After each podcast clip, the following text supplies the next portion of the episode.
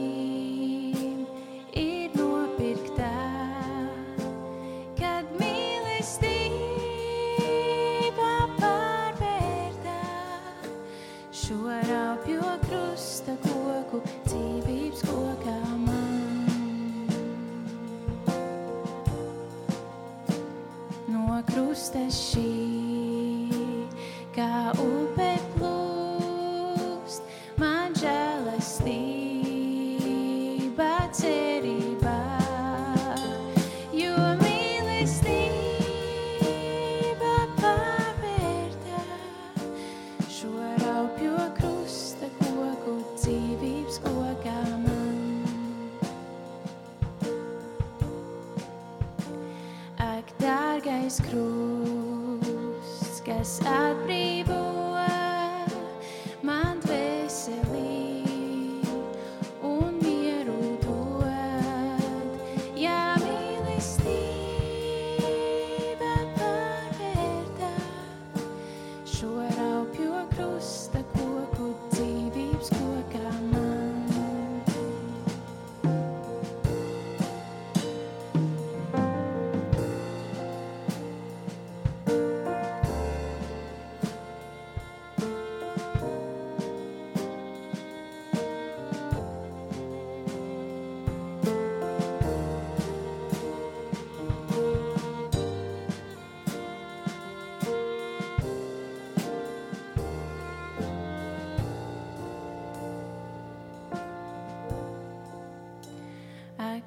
dārgais krusts, kur glābējs mans, bez grēka tīrs, mirst manis dēļ.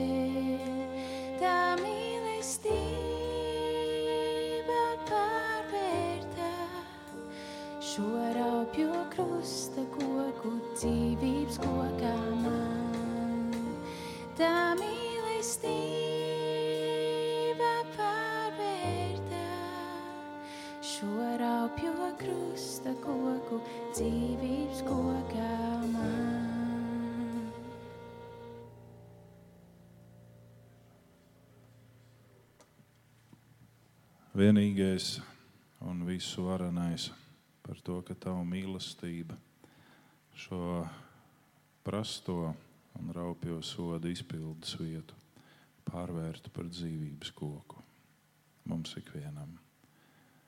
Paldies Tev par to. Āmen. Sēdieties, lūdzu. Tad, kad mēs apstājamies pie domas par dvēseles tumšo nakti, pirmkārt, nevienam no mums nepatīk. Un dvēseles tumšā naktis, un tad, kad mēs esam vērojuši un vērtējuši savu dzīvi, tad dzīvē, tāpat kā diennaktī, ir kaut kādi cikli. Rīts, vakars, pusdienas laiks, nakts. Ir priecīgāki brīži, ir bēdīgāki brīži. Un tie bēdīgie brīži, jeb tie sāpīgie, jeb tie skumjie brīži mums absolūti nepatīk. Bet tad ir tas brīdis, kad ir tāda ilgstoša, tā bēdu stadija. Vai ir kāds zaudējums, vai ir kāds uh, šķiršanās, uh, nelaimes gadījumi. Un tad mēs uz ilgstošu laiku nonākam tajā periodā, ko sauc par dvēseles tumšo nakti. Aizvakar un vakar mēs ar Anniju runājām, manu meitu, par to, kas un kā ir ar vienu konkrētu dziedātāju. Vakar braucot, viņi man atskaņoja kādu dziesmu un teica, šī ir vienīgā dziesma, ko šis dziedātājs un mūziķis ir sarakstījis pēdējā laikā, jo aizvadītajā gadā viņam pēkšņi aizgāja mūžībā viņa dēls. Un vēlāk vakarā viņi man atsūtīja kādu šī mūziķa īsu liecību par to, ko un kā viņš izjūt un jūt. Un viņš saka, ja es parasti biju tas, kurš visus iedrošina un iepriecina, tad šajā brīdī, pirmajā dienā, kad es to uzzināju, es nevarēju piecelties no gultas. Otrajā dienā es vispār nesapratu, kas notiek un kāpēc. Un tie ir tie brīži, ar kuriem mēs katrs varam sastapties. Un ir virkni cilvēki, kur mēģina aizbēgt no šiem brīžiem. Jo nevienam no mums sāpes nepatīk. Nevienam no mums tumsa nepatīk. Izņemot to brīdi, kad mēs sakām, nu, mēs gribam tādu romantisku atmosfēru.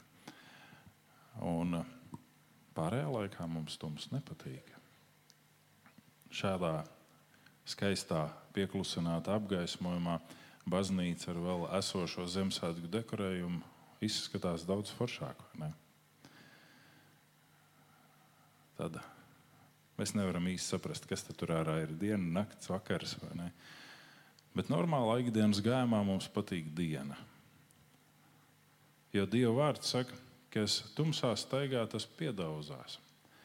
Un, un tas vienkārši apdauza savus kājas, jo viņš neredz, kur iet. Un arī garīgi mēs gribam gaismā staigāt. Un mēs 21. decembrī aizsākām ar diviem cikliem jau šo apskatu par dvēseles tumšo nakti. Un šajā dienā mēs turpināsim. Es esmu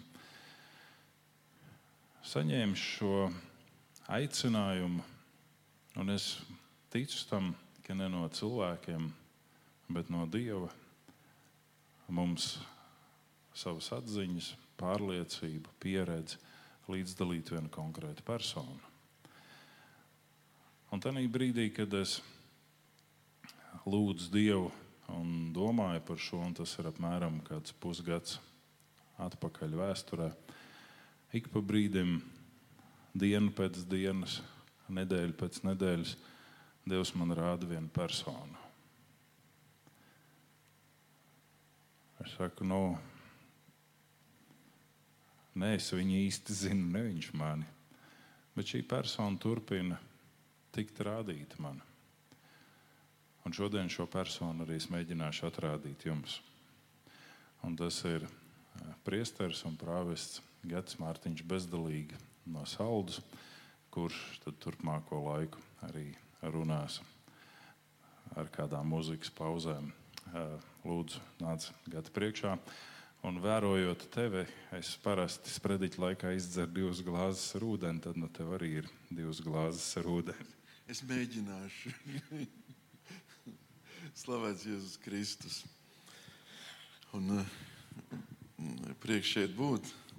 Un uh, būt ar uh, mācītāju Uģi šeit un viņa vecākiem un jums, ar jums visiem šeit kopā. Um, Un, droši vien, ka mēs arī,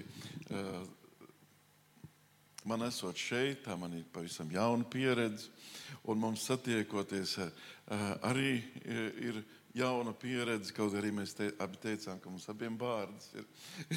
ja, un, un ka mēs nu tā, kaut kas kopējs, bet es domāju, ka daudz kas vairāk ir vēl kopējs. Un, Jā, es domāju, ka man saldu arī vajadzēs ieviest divas glāzes. Tur uz tās kanceles. Jā. Bet šeit mēs eh, šodien um, uh, runājam par dvēseles tumšo nakti, bet es šeit gribēju nu, izšķirt tādas, um, tādas lietas, kas ir Katoliskās baznīcas um, um, gan mācība, gan arī tajā dzīvē, garīgajā dzīvē, ka dvēseles tumšo nakti piedzīvoja gan Avils Terēze, gan par to raksta Jānis no Krusta, gan, uh, gan arī Māte Terēze to, to ir piedzīvojis. Un uh, kas ir uh, faktiski tas ir tāds garīgais ceļš, kuru nevar pateikt, ka, bet tas ir Dieva dots garīgais ceļš tiem cilvēkiem, kas ir nu, tādu labu um, tādu skolu iegūši, jeb tādu um, garīgajā dzīvē ļoti tālu, varētu teikt, tikuši ir, kur Dievs dod viņiem šo nakti, lai viņi ticībā apzinātos, ka šīs nakts ir rīts, ka šīs nakts ir gaisma.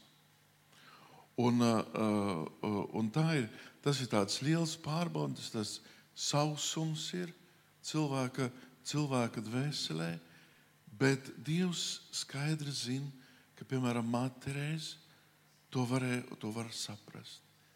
To viņi var, uh, viņi var, uh, var uh, izturēt. Un tā ir liela svētība ne tikai tam, tam cilvēkam, kas to piedzīvo, bet tas ir kā, arī kā tāds ticības upuris, kuru, uh, kurš dod nes šo svētību visiem tiem, ar kuriem šis uh, cilvēks satiekās un uh, kuriem viņš kalpo. Šeit varbūt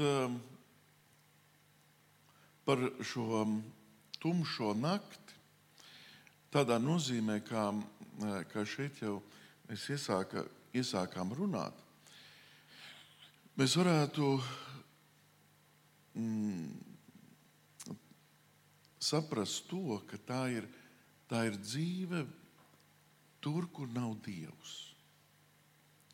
Ja, tur, kur vairs, tur, kur nav Dievs.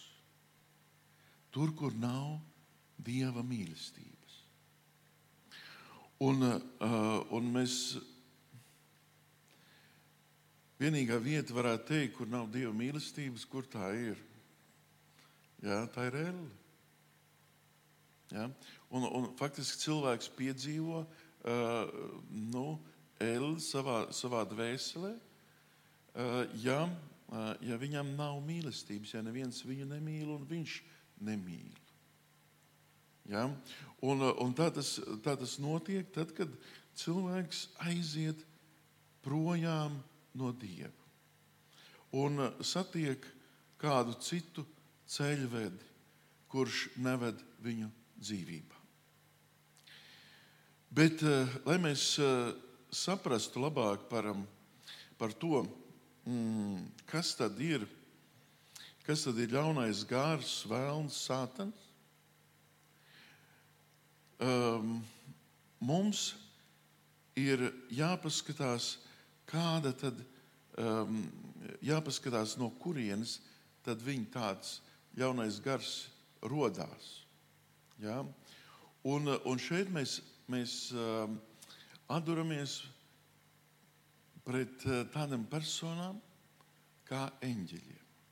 Mēs ieraugam viņus svētajos rakstos, un, un bieži vien viņi kā, kā cilvēki, kā dieva vēstneši, ir parādījušies, piemēram, Abrahamam, tāpaš, tāpatās arī Zahārijam, uh, arī Jāzeps ir uh, sapnī, uh, sapnī redzam eņģeli. Un, protams, arī Dievmāte, Marija. Ja? Un tad šīs liecības par eņģeļiem, viņas ir atrodamas svētajos rakstos. Bez tam mēs tur atrodam arī uh, šīs īpašības, kādas ir eņģeļiem. Mēs arī par to varam, varam secināt, kas tad ir eņģelis. Ja, ko viņš dara, kāpēc viņš? Kādēļ viņš nāk, pie, uh, nāk pēkšņi pie cilvēka un uzrunā cilvēku? Un tad mēs arī saprotam no svētiem rakstiem, ka ir ne tikai eņģeļi ar, ar savu gudrību, savu intelektu, bet ir arī ļaunais gars. Tātad ļaunie gari, jeb dēmoni, kas ir um, bijuši šie eņģeļi, bet uh, mēs viņus saucam par kritušiem eņģeļiem. Jā, tādēļ, ka uh, viņi ir noraidīti no dieva vaiga. Ja viņi vairs nevar redzēt dieva vaigu, un, uh, un uh, tas ir mūžīgi. Tas nav atgriezeniski. Ja? Un, tad eņģeļi eksistē ne tikai mūsu prātos, mūsu mītos, simbolos vai, vai mūsu kultūrā, mākslā, kur viņus grib attēlot kā tādus, tādus bērniņus lidojošus. Ja? Bet viņi ir tikpat reāli kā mēs šeit, klātesoši. Tikpat reāli kā mūsu brāļi, mūsu, mūsu māsas, um, kā ikviena arī dzīva būtne. Tad, un, un eņģeļi, tās ir dieva radības, gari, kuriem nav ķermeņa. Līdzīgi mums viņi ir apveltīti ar um, inteliģenci un arī ar brīvo gribu. Tikai tas ir, ir neizmērojamā pakāpe. Šī inteliģence ir neizmērojamā pakāpe. Un to uh, arī mantojas ir manto ļaunie gari. Arī vēlams to ir manto šo inteliģenci. Eņģeļi tie ir tie, kas paklausa dieva gribai. Viņi dod pas, uh, pak, uh, pasaulē tātad dieva vēstījumu. Angelus tātad vē, ir vēstnesis, un Pāvils Gregors Lielais raksturo, um, raksta, ka vārds eņģelis drīzāk izsaka nevis uh, šīs būtnes būtību, bet viņa funkciju. Ja? Viņš ir vēstnesis. Saskaņā ar savu būtību viņi ir debesu gāri, bet saskaņā ar funkciju tad eņģeļi dieva dieva sūtni. Eņģeļi uzturas dieva klātbūtnē debesīs. Un arī tajā pašā reizē viņi spēja būt klātesoši cilvēki. Tas ir šīs, varētu teikt, šīs garīgās būtnes nu, priekšrocība. Ja? Ka, ka viņš kā garīga būtne spēja būt visur. Dieva priekšā slavēt, slavēt, uh, slavēt kungu, ja, un arī būt ar mums kopā. Jo arī, uh, arī mums uh, Dievs, tātad, uh, nu, arī priekš mums Dievs dod eņģeļu, eņģeļus, lai viņi, lai viņi kalpotu Dievam. Bet šis kalpojums arī attiecās uz, uz cilvēku. Lai gan vienmēr līdzās mums, um, vienmēr nomodā e, ir eņģelis par mūsu vajadzībām. Eņģeļi ne, ne brīdi viņi neatstāja dieva godību, kas būtībā ir uh, adorācijas, jeb pielūgsmes augstākā pakāpe tā svētais eh, Jānis Marija Vienais, Arsas prāvests, um, um, viņš, eh, viņš teica, ka galvenais, ko mums vajadzētu mācīties no eņģeļiem, ir dzīvot ar apziņu par nemitīgu Dieva klātbūtni. Ka Dievs visu laiku ir klātesošs uh, mūsu dzīvē. Un uh, ka mēs uh, um, arī ar savu brīvo gribu mēs visu laiku tiecamies pie Dieva. Ka mēs, uh, nu, mūsu dzīve nav iedomājama bez šīs vienotības, bez šīs, šīs, uh, šīs skatiena uz Dievu, ko mēs pavēršam savā ikdienā uz viņu. Visās lietās, kur arī mēs būtu, vai tas būtu mūsu profesionālā darbība, vai tas būtu mūsu, mūsu ģimene, vai tas tā būtu, kur mēs esam varbūt savu draugu, draugu pulkā. Ja? Tā mēs darām savus, savus darbus, ja? bet mūsos paliek tā, tā apziņa, ka es esmu ar Dievu. Es visu laiku esmu kopā ar, ar Dievu. Lai, me, lai arī mēs eņģeļus parasti neredzam un uh, nedzirdam, taču eņģeļi mūs redz un dzird. Viņi zina, kas, mums, kas ar mums notiek. Mēs varam ar viņiem arī uh, komunicēt. Tas ir, ka mēs, mēs apzināmies, ka, ir, ka, ir, ka viņi ir. Ka mēs uh, arī nu,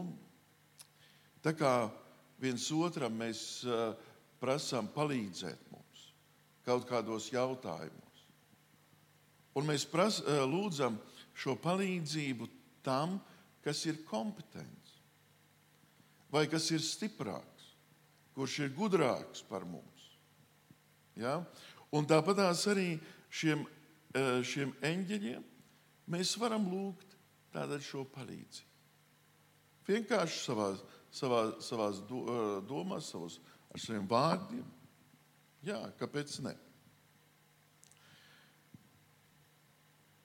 Eņģeļi spēja pieņemt, parādīties dažādos, dažādos ķermeņos. Arī to mēs atrodam svētajos rakstos.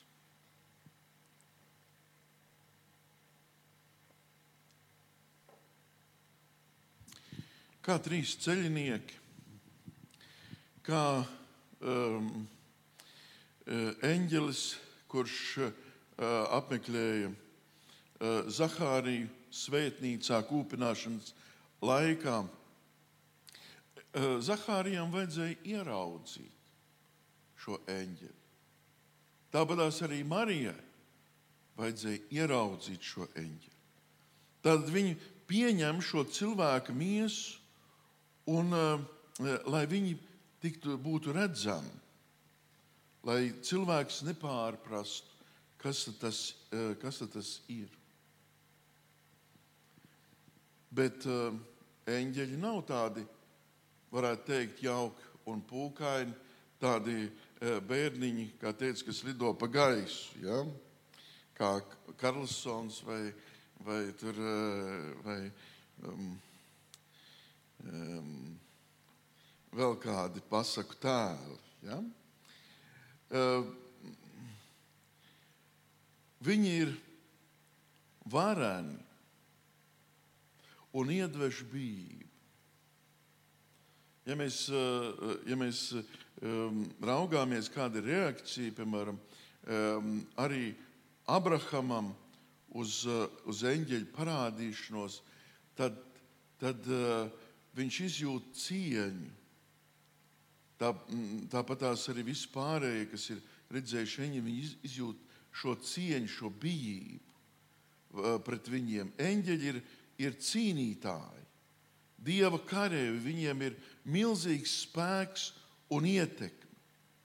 Viņi ir būtnes, kuru uh, ietekme eh, sniedz pāri šīs pasaules uh, robežām, ja, ja Dievs viņiem to atļauj, viņi spēj, būt, burtiski ir spējīgi pārvietot vi, visu, ja? kalnus pārvietot, ja? vai, vai, vai jūras pārvietot. Viņi spēja, spēja visu izdarīt. Par eņģeļiem vārdu tiešā nozīmē var saukt vienīgi tos debesu garus, kas ir izvēlējušies kalpot Dievam un viņa valstībai. Tādēļ par eņģeļiem mēs nesaucam vairs ļauno garu, kurš nekalpo Dievam. Tie ir debesu gari, kas atspoguļo Dieva svētumu un bauda viņa, eh, viņa mīlestības pilnību. Jo viņi redz Dievu vaigu vaigā. Viņi stāv Dieva troņa priekšā. Tātad un eksistē tad arī ļaunie gari, jeb kritušie eņģeļi, dēmoni. Tas nav tādas uh, mītiskas figūras, kas eksistē tikai nu, cilvēku, cilvēku iztēlē. Nu, tā kā, um, tā kā blaumaņa uh, vēlniņi, ja? kad, uh, kad teiktu, ne, tie jau tādi nerātni, nerātni bērni ir, uz kuriem nav tur daudz ko, daudz ko tur, skatīties un tā tālāk. Vai ne?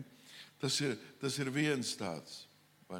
Otrs um, ir arī um, tātad, svē, tātad, svēto rakstu kādi, eh, kādi pētnieki, kuri saka, ka tās izpausmes, kas, uh, kuras saistītas bija eh, svētajos rakstos ar ļaunā gara, uh, ļauno garu, ka tur ļaunais gars nemaz nav, un vispār tāda viņa, viņš tāds nav.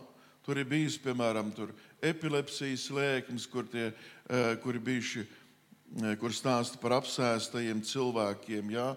un, eh, un ka ļaunums ir tikai kā, kā tāda īpašība, nevis kā persona.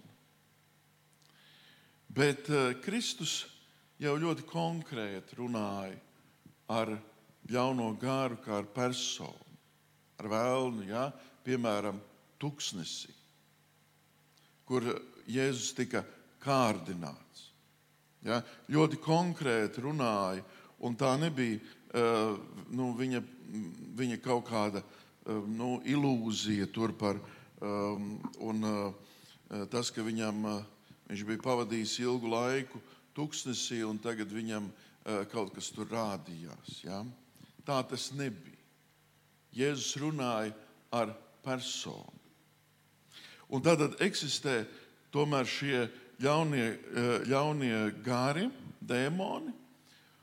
Un, eh, kā teicu, ja eksistē arī šīs teorijas par, par to, ka ļaunais gars nemaz tāds nav, tad tas ir par labu vēlnam. Ja? Jo um, vislabāk ir darboties kaut kur aizmugurē. Tad, kad neviens viņu netraucē.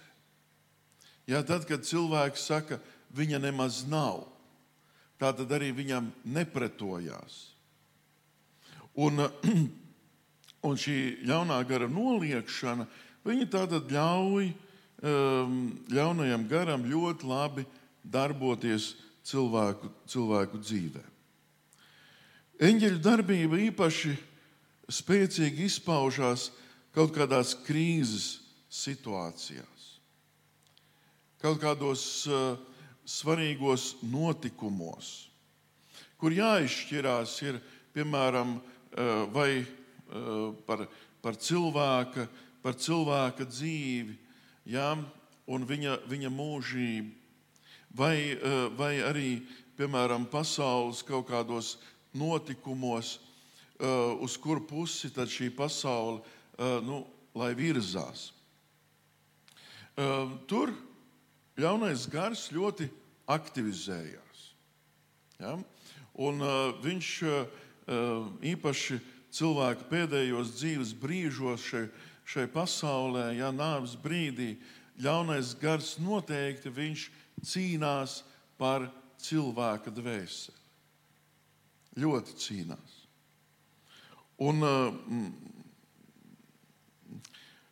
uh, tāpat tās arī ne tikai ļaunais gars cīnās, bet arī tā cilvēka eņģelis, jeb tas sargeņģelis, jā, ko Dievs ir devis, arī tas cīnās par cilvēka dvēseli. Un,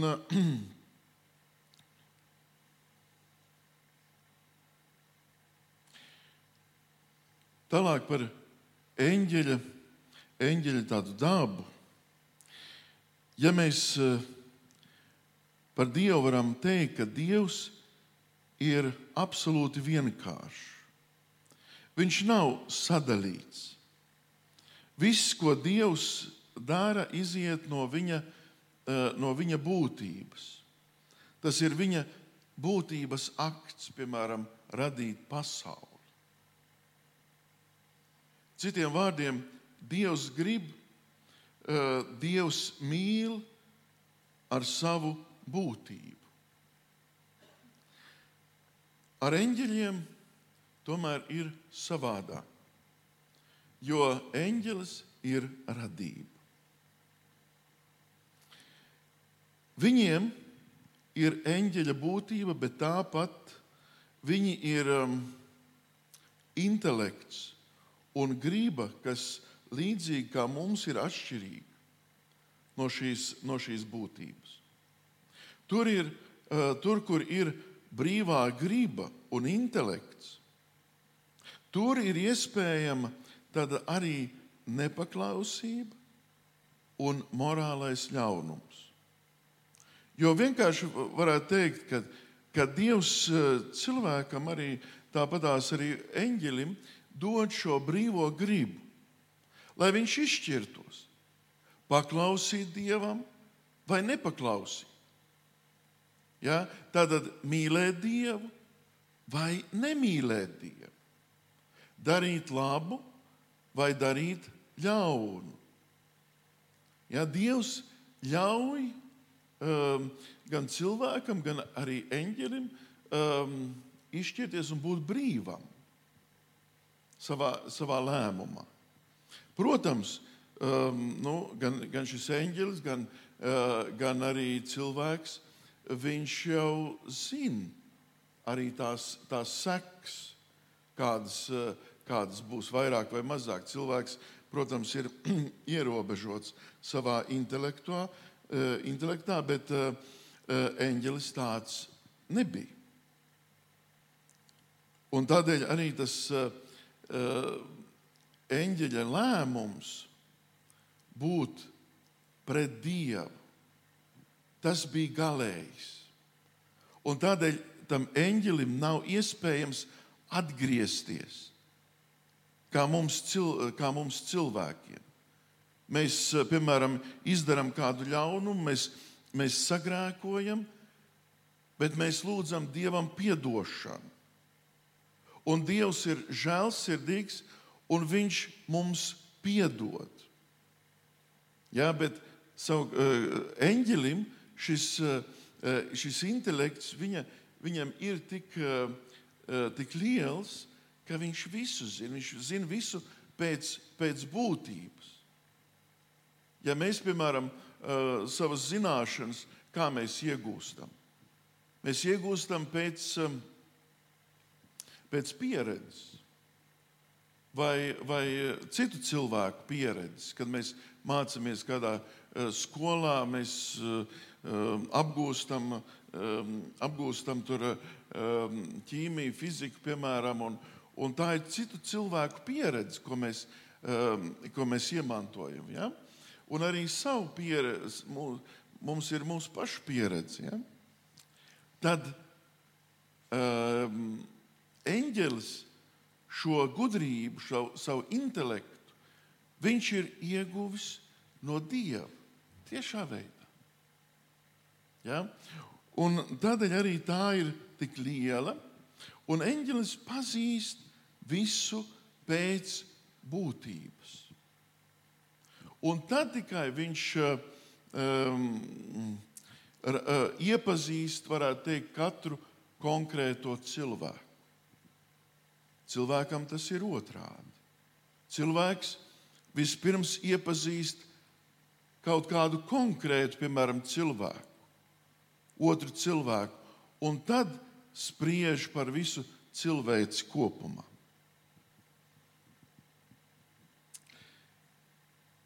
Eņģeļiem ir arī sava hierarhija.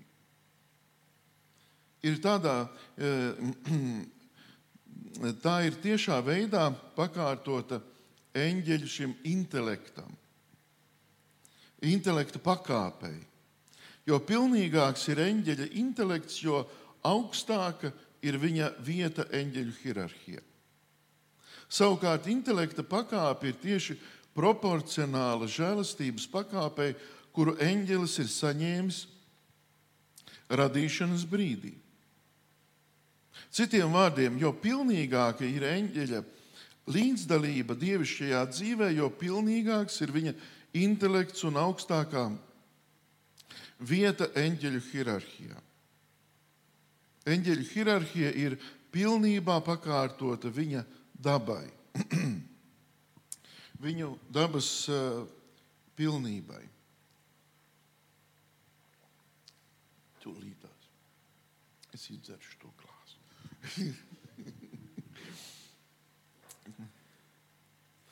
Tātad, um, un vēl tikai piebildīšu ne to, ka eņģeļi um, tā, tā savstarpējās attiecības ir nevis horizontālā līmenī. Tā kā varētu teikt, tādas tā, nu, brāļiem, bet vertikālā līmenī. Tas ir, ka eņģelis ir, ir dieva vēstnesis, kā mēs atceramies un viņš vēstīja un rīkojās tāda dieva uzdevumā. Un arī šiem pārējiem eņģeļiem, tad augstākais dod vienkārši šo, šo iespēju rīkoties. Un arī um, kā, kā komunicējot, ja, tas ir, ka viņš nevis tie ir vārdi kaut kādi, bet kad viņš dod šo projekciju tā, tā eņģeļa apziņā. Ja, un kaut ko līdzīgu arī var teikt, tas ir ar, ar cilvēku. Piemēram, kad um, uh, Jāzeps sapnī satiek eņģeli, kas viņam liek doties uz Eģipti. Paldies, bet tas vēl nav viss. Viens, viens, viens.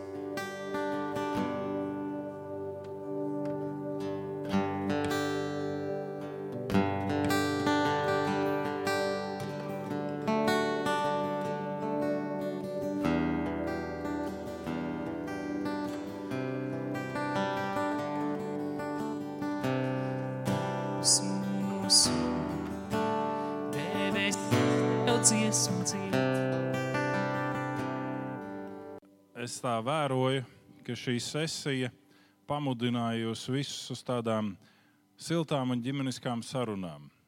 Bija daži, kuri mēģināja sevi saukt par es esmu vienpatis vai vienpata, bet pamatā jūs visi bijāt tādos čupiņās. Un tas ir priecējoši. Šajā brīdī vēlreiz man ir jāatvainojas par to, ka bija piespiedu pauze jāpaņem, jo tādas piespiedu pauzes tajā brīdī, kad galvenais runātājs ir labi iegājis visā tēmā, ir grūti. Tas drusku pārrauj, bet es atvainojos personīgi, es atvainojos publiski. Šajā brīdī nākam visi atpakaļ un sāksim šo otro cēlienu. Un Māris jau ir priekšā.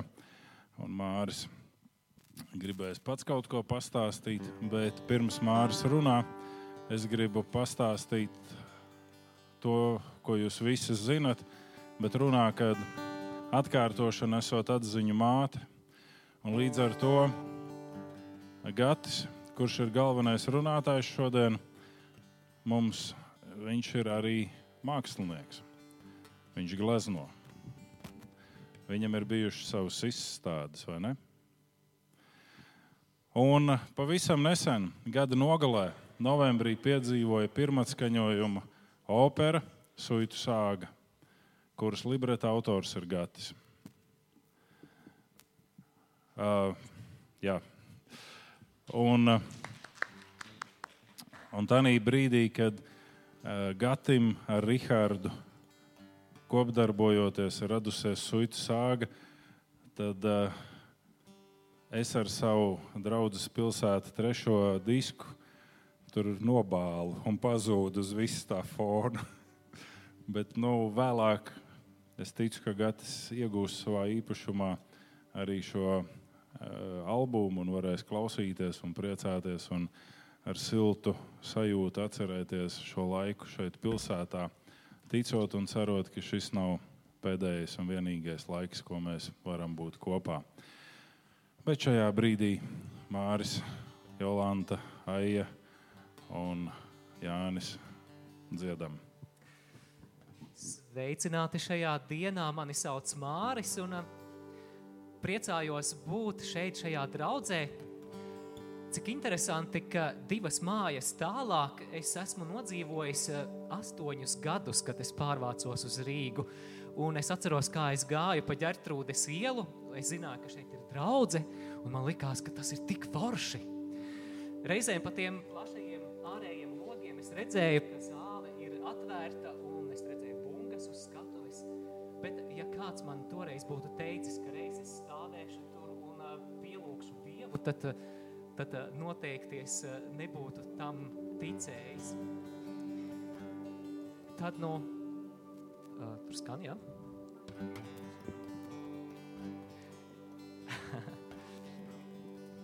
Bet uh, tagad uh, nāksim Dieva priekšā un uh, atdosim viņam godu un lūksim, lai svētais gars atkal nonāk pār mums, lai piepilda šo vietu, pievienojies šai lūkšanai, dziedi Dievam. Kungs, Dievs, mēs nākam pie Tevis, un tas ir tik brīnišķīgi Tevi satikt un Tevi pielūgt. Mēs slavējam Tevi. Slavējam Tevi svētais, trīsvienīgais Dievs. Mēs Tev pateicamies par to, kā Tu darbojies un darbosies šodien mūsu vidū. Kungs, aizskar manas acis,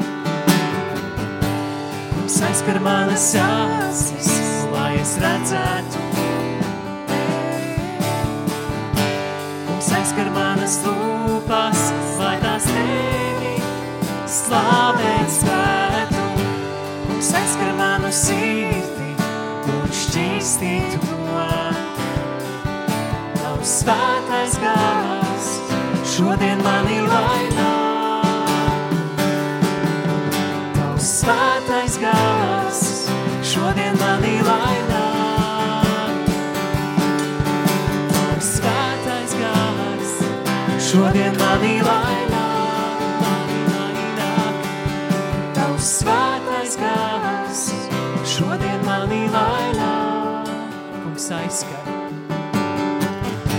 Kungs aizskar manas acis, lai es redzētu. Kungs aizskar manas lūpas, lai tās tevi slavēt spētu. Kungs aizskar manu sirdi un šķīstītu. Tavs svētais gars šodien manī lai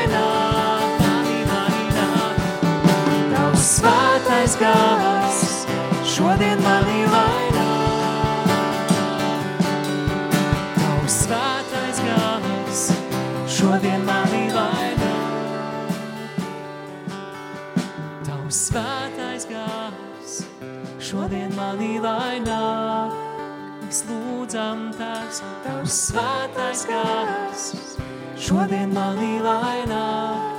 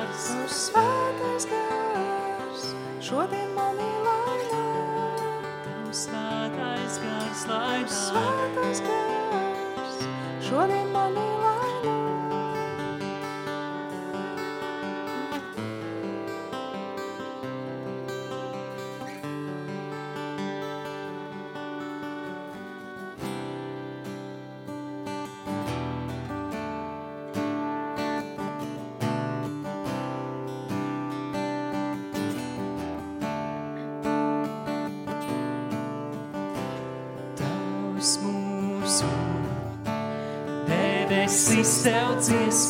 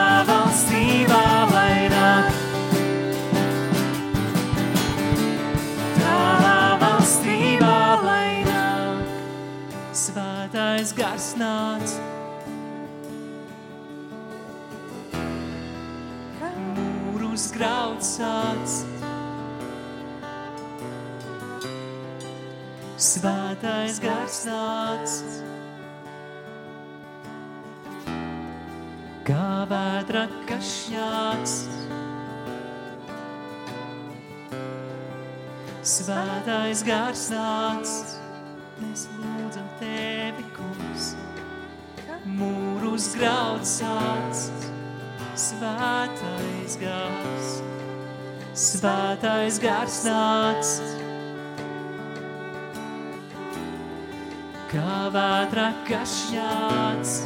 Vēlreiz svētais gars nāc, aicinām viņu. Svētais gars nāc, mūrus graud sāc, svētais gars, svētais gars nāc. Kā vētra kašņāts,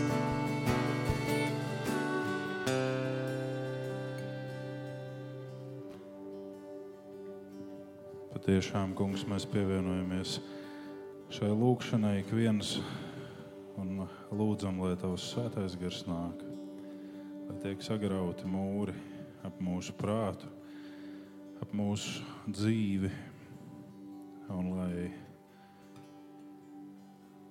mēs varam būt tavas mīlestības vēstnieki šeit, šai pasaulē.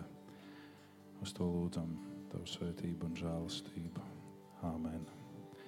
Āmen. Un šajā brīdī atceramies, kur mēs palikām iepriekšējā lekcijas laikā, semināra, un no tās mēs arī turpināsim. Lūdzu, Gati. Nedaudz atcerēsimies tād, tādus, tādus principus, ko mēs centāmies iepazīt, eh, kas tad ir eņģeļi. Un, um, eh, tas ir svarīgi tādēļ, lai mēs eh, pazīstot eņģeļus, kas kalpo dievam, lai mēs pazītu arī ļaunā gara dabu un eh, viņa eh, tātad, eh, darbību, ko viņš var izdarīt un ko viņš nevar izdarīt. Un tātad, tātad tie principi var ne tādi, ka kā eh, eņģelis, tāda ir garīga būtne, ka eņģelis ir um, apveltīts ar ļoti lielu intelektu, tādu prātu, ko viņš ir saņēmis no Dieva. Tāpat arī eņģelim ir brīvā griba. Eņģelis ir ļoti spēcīgs. Un, um, piemēram, viņš var, um, eņģelis zin, zinot uh, visu pēc būtības, viņš zina, piemēram, tās lietas, kuras mūsu zinātne, cilvēka zinātne nav atklājusi, bet kas, bet kas pastāv. Un līdz ar to arī, uh, redziet, ļaunais gars to arī uh, esot uh, apveltīts ar šo intelektu, ar šī, tādu, tādām zināšanām, viņš spēja radīt ilūziju, ka viņš dara kaut ko pārdabisku, kas patiesībā nav. Jo, jo eņģelis nevar izdarīt neko tādu pārdabisku. Ja? Tikai Dievs var, var to, to, to izdarīt. Bet uh, eņģelim ir liels spēks, un tāpēc, uh, ka mēs kaut ko tādu ieraugam, ka, ko, piemēram, ļaunais gars ir izdarījis, mums liekas, pirmajā brīdī tas ir kaut kāds brīnums. Īstenībā nekāda brīnuma nav. Ne? Ir, viņš uh, ir izdarījis tikai to, ko mēs vēl līdz galam neizprotam. Um, tad um, eņģelis var iespaidot mūsu, um, mūsu domāšanu. Viņš var mūs pamudināt, piemēram, pamudināt uz lūgšanu. Ja, mēs varam atteikties, vislabāk ir televizoru skatīties, ja, nekā, nekā uz lūgšanu, piemēram. Ja. Bet eņģelis to var, to var izdarīt ar šo, kā mēs runājam, ar šo projekciju, ne tikai uh, tātad eņģeļi savā starpā tādā veidā komunicē, bet arī attiecībā uz cilvēku.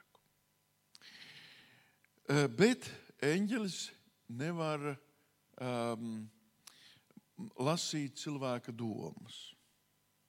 Nevar lasīt. Ja? Viņš var iespaidot dažādus apstākļus, uh, radīt mums, lai mūs pamudinātu kādu ceļu iet, bet viņš nevar uh, lasīt mūsu domas. Um, Tāpat arī eņģelis nezina nākotni. Ja, tikai Dievs zina nākotni. Ja, neviens, tā kā Kristus saka, pat eņģeļi debesīs, ja, to nezina. Tad tālāk. Um,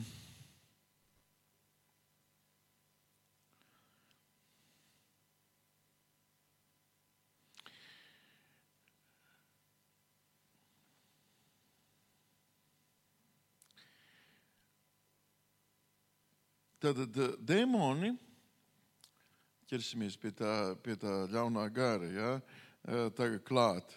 Eh, Es to, kāpēc es par to runāju, kāpēc varbūt arī mācītājs Uģis uzaicināja, tāpēc, ka es Liepājas diecēzē esmu egzorcists. Ja? Tas ir bīskaps, kas ir galvenais egzorcists vienmēr. Ja viņš ieceļ kādu priesteri, kurš pilda šo uzdevumu. Ja?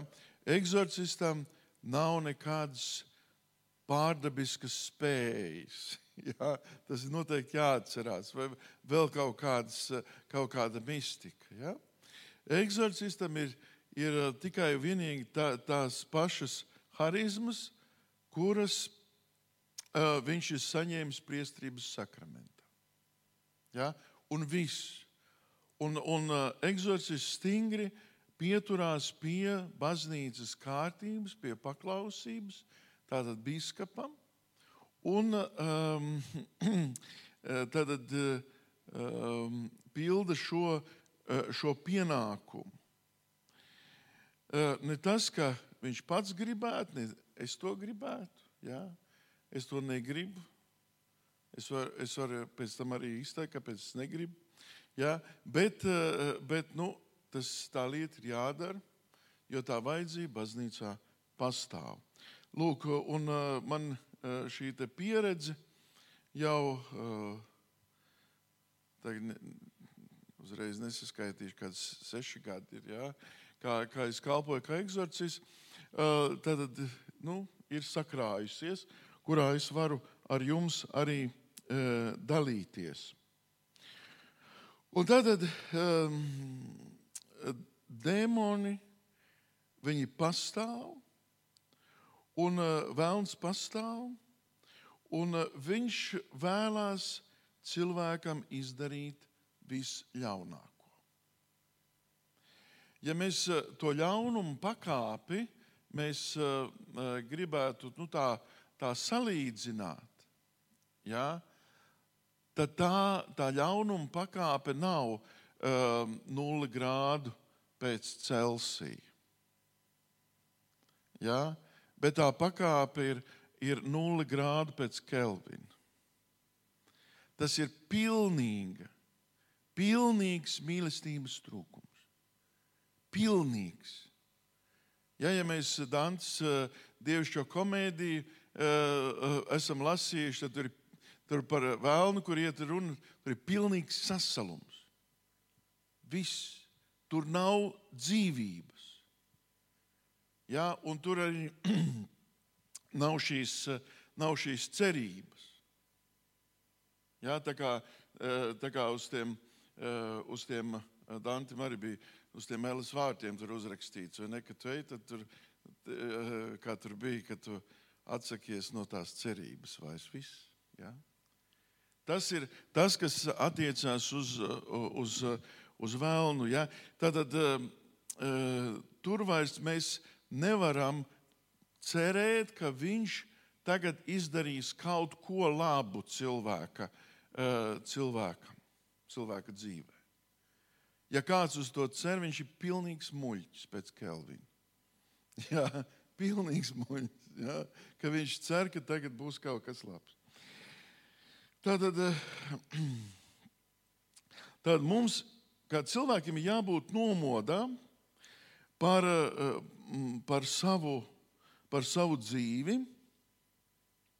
kāda, eh, kādu informāciju mēs, piemēram, saņemam, kā mēs, kā mēs organizējam savu, savu dzīvi, kādas ir manas attiecības ar, ar Dievu, kā ar dzīvības avotu. Ja? Mums tas, eh, mēs nedrīkstam to, to aizmirst. Kā, eh, kurā vietā manā dzīvē ir Dievs? Vai tas ir centrā? Un eh, tādēļ, redziet, ir šādi, šādi semināri, rekolekcijas, vai kaut vai eh, gavēņa laiks, un adventa laiks, un vēl dažādi laiki liturģiskajā gadā, un, un, un tāpat tās eh, draudzēs tiek, eh, tiek veidots dažādi pasākumi, kuros mēs to, to kompasu uz Dievu mēs noregulējam. Vai mēs neesam, un paraugāmies, vai mēs neesam aizšāvuši kaut kur uh, projām no Dieva? Vai Dievs ir manas dzīves centrā? Un, uh, un vienmēr uh, mēs atgriežamies pie, pie Dieva, ja mēs esam kaut kur aizgājuši. Ja mēs esam izdarījuši kaut kādas, piemēram, kaut kādas nu, uh, vēlmes savā dzīvē, tādas, kas, uh, kas neved, neved pie Dieva. Um,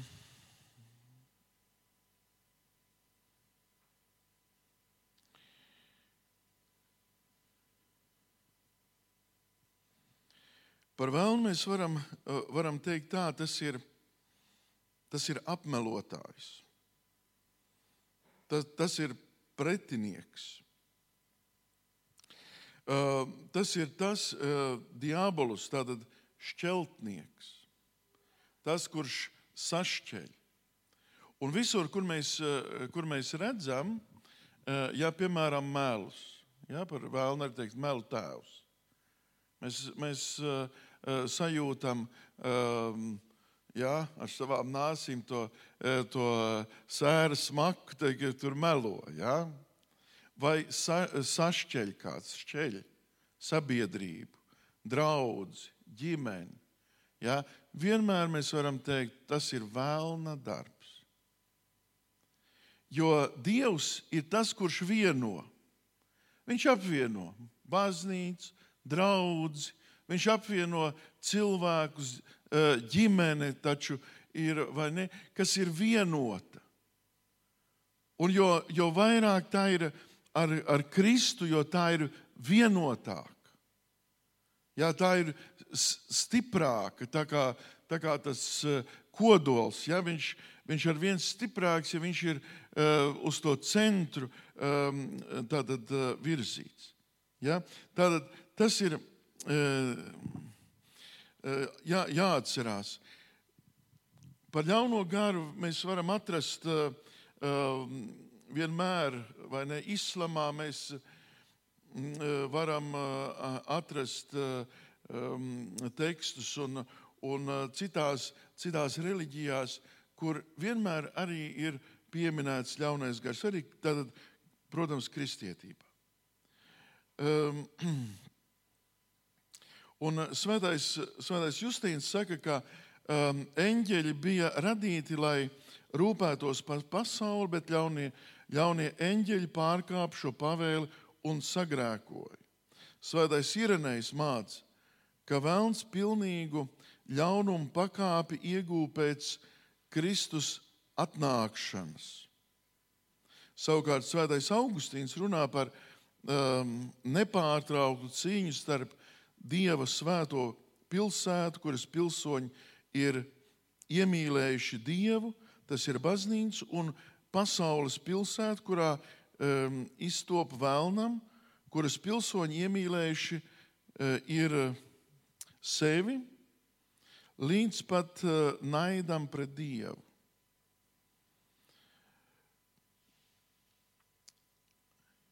Tāpat arī mēs varam, kas tad um, uh,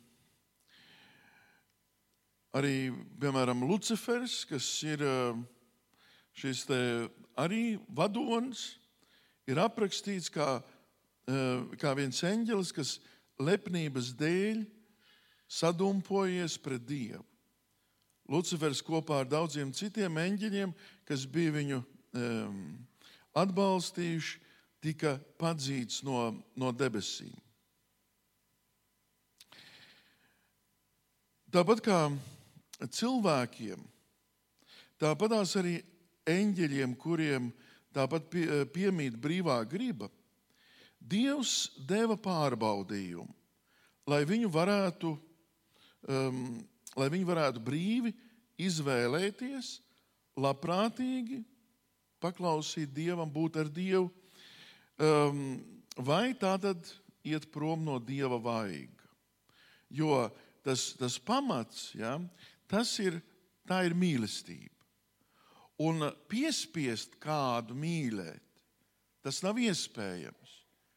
Ir nepieciešama brīvā griba, lai uh, uh, cilvēks vai arī eņģelis brīvi spētu izvēlēties, mīlēt vai nē.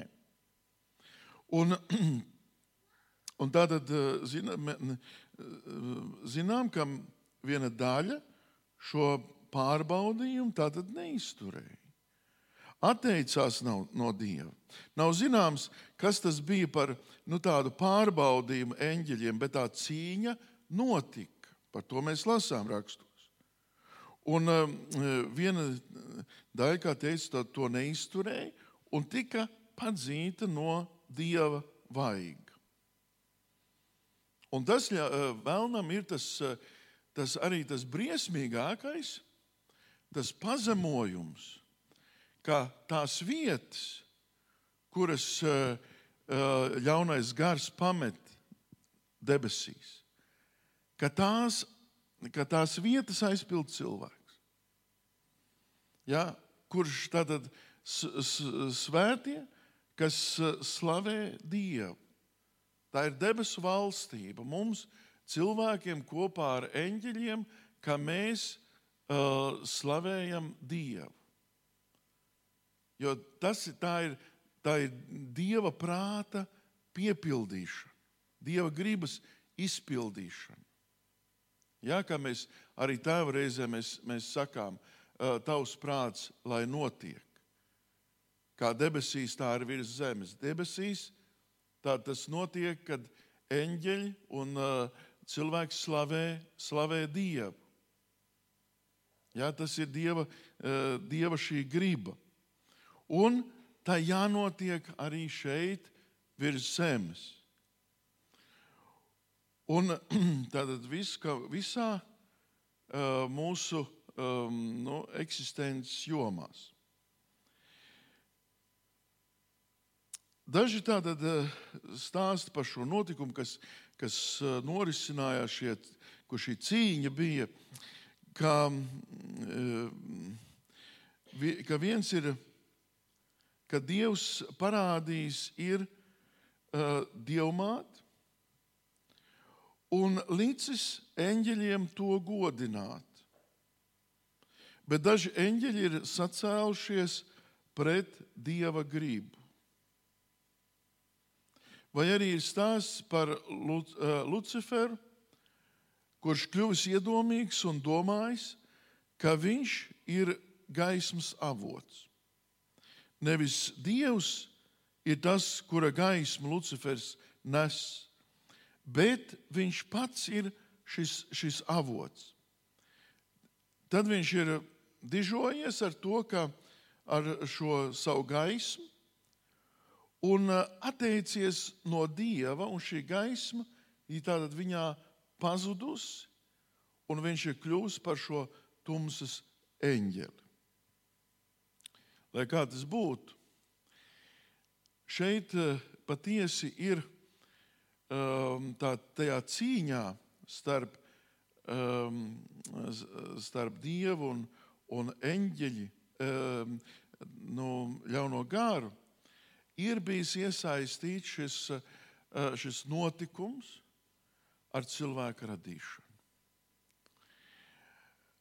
Ka uh, Dievs ir, um, ka Dievs mīl cilvēku un mīl viņu tik pilnīgi, ka dāvā savu dēlu pasaulē.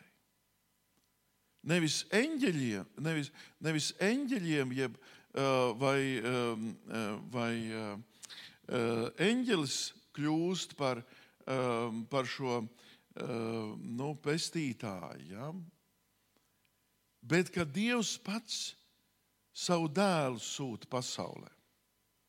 Un ka, ka Kristus pieņem nevis eņģeļa dabu, bet gan cilvēka dabu. Un tas, tas tai daļai eņģeļi bija tāds, tāds pazemojums, ko viņi, ko viņi nevar izturēt. Ja? Ko viņi tādā lepnībā nevar to, nevar to pieņemt. Sātana mērķis ir cilvēku aizvest projām no, no dieva un padarī, parādīt, ka Kristus upuris pie krusta ir bijis veltīgs. Mēs ļoti labi to varam uh, lasīt Ijāba grāmatā. Ļoti labi. Ja, kur um, kur um, ir šī diskusija, tad uh, kārdināsim šo cilvēku. Atņemsim Ijābam visu. Un vai, vai tad Ijābs vēl pielūgs Dievu?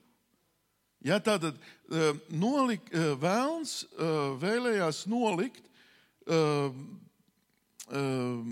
pirmajā vietā Ijāba dzīvē materiālās vērtības, šo laicīgumu.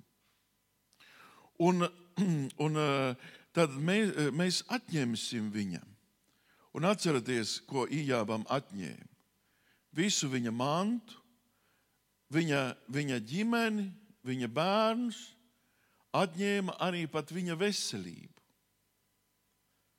Ja, bet Ijābs palika uzticīgs Dievam. Un tad um, ļaunais gars viņš zaudēja. Tad, kad um, Kristus tiek kārdināts tuksnesī, tur arī kaut kas ļoti līdzīgs notiek. Kad ļaunais gars grib pārbaudīt, vai Jēzus patiesi ir Kristus. Viņš grib pārbaudīt. Ja? Un viņš viņu pārbauda tām lietām, ar kurām mēs, varbūt cilvēki, varētu tomēr ar tām iekrist, ar šiem kārdinājumiem. Nu, piemēram, principā, ko tad, uh, ko tad Vēlns tur viņam, uh, kā viņu kārdināja? Tā tad es tev došu visu. Es tev došu mantu, es tev došu slavu, es tev došu visas, visas pasaules tautas, visu, ko tu, ko tu gribi. Ja, ja tikai tu ceļos nomestie, no, nometies mani pielūgs. Ko tas, ko tas nozīmēja? Nozīmēja to, ka tu atsakies no krusta. Tu atsakies no pestīšana, pestīšanas, kādēļ tu esi nācis šajā pasaulē. Kādēļ Tēvs sūtīja Kristu pasaulē, viņš atpestīja. Aļaunais gars viņam saka, es tev došu visu. Un tagad, ja, tas ir, ja, ja Jēzus būtu tikai, tikai cilvēks, viņš varētu sākt šaubīties. Un teikt tā, um, nu, es taču saņemšu visu. Kādēļ es esmu nācis? Es šos cilvēkus varēšu mācīt, nu, kas sapulcēsies ap mani. To mantu, kas ir, uh, ka, ko, man, ko manās rokās nodos ā, ļaunais gars, es varēšu izmantot labām lietām. Nu, piemēram, vairs nebūs bats. Es varēšu, uh, varēšu nu, cept maizi un, un, un, un dāvāt un uh, apģērbt visa, visas tautas tā, ka uh, neviens, uh, neviens no bada vairs nenomirs. Tāpat arī šo, šo īpašumu izmantot ļoti, ļoti taisnīgi. Ar to vēlnu es, es varu taču nomesties viņa priekšā ceļos, ja neviens neredzēs. Taču. Nu, kas tur tuksnesī skatīsies, kas tur vēl būs tuksnesī? Nu, neviens. Es un vēlns un viss. Nu, ne čiku, ne grabu. Nu, viss. Bet uh, Jēzus jau zina, ko, šie, ko vēlns tātad, uh, viņš ir nodomājis. Tātad novirzīt Jēzu no krusta. Un tas ir tas, ir tas, tas, ir tas galvenais. Viņš visu laiku ir vēlns, ir klātesošs Jēzus dzīvē, arī Gedzemanes dārzā.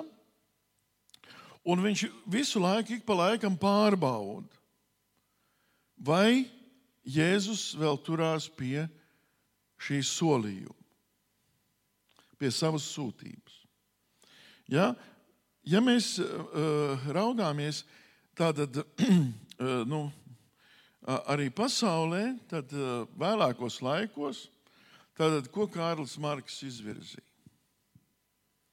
Ko viņš, uh, kā viņš, um, nu, tas ir visi faktiski jau um, ateisma, ateisma tēvi, ja, uh, runāja. Ja, tātad, bet Marks to, to rakstīja savām savos darbos. Ja? Tātad arī nostādīt materiālās lietas pirmajā vietā.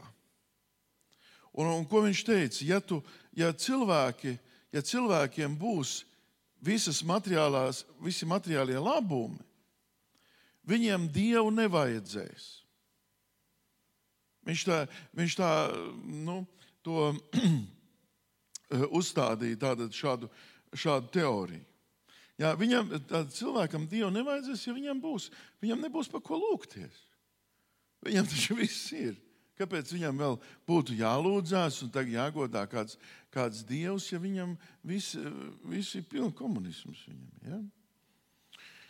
nu, lūk, un tas ir, tas ir um, ļaunā gara darbs, tātad, kur, kur viņš grib um, cilvēku novirzīt no mērķa, no dieva.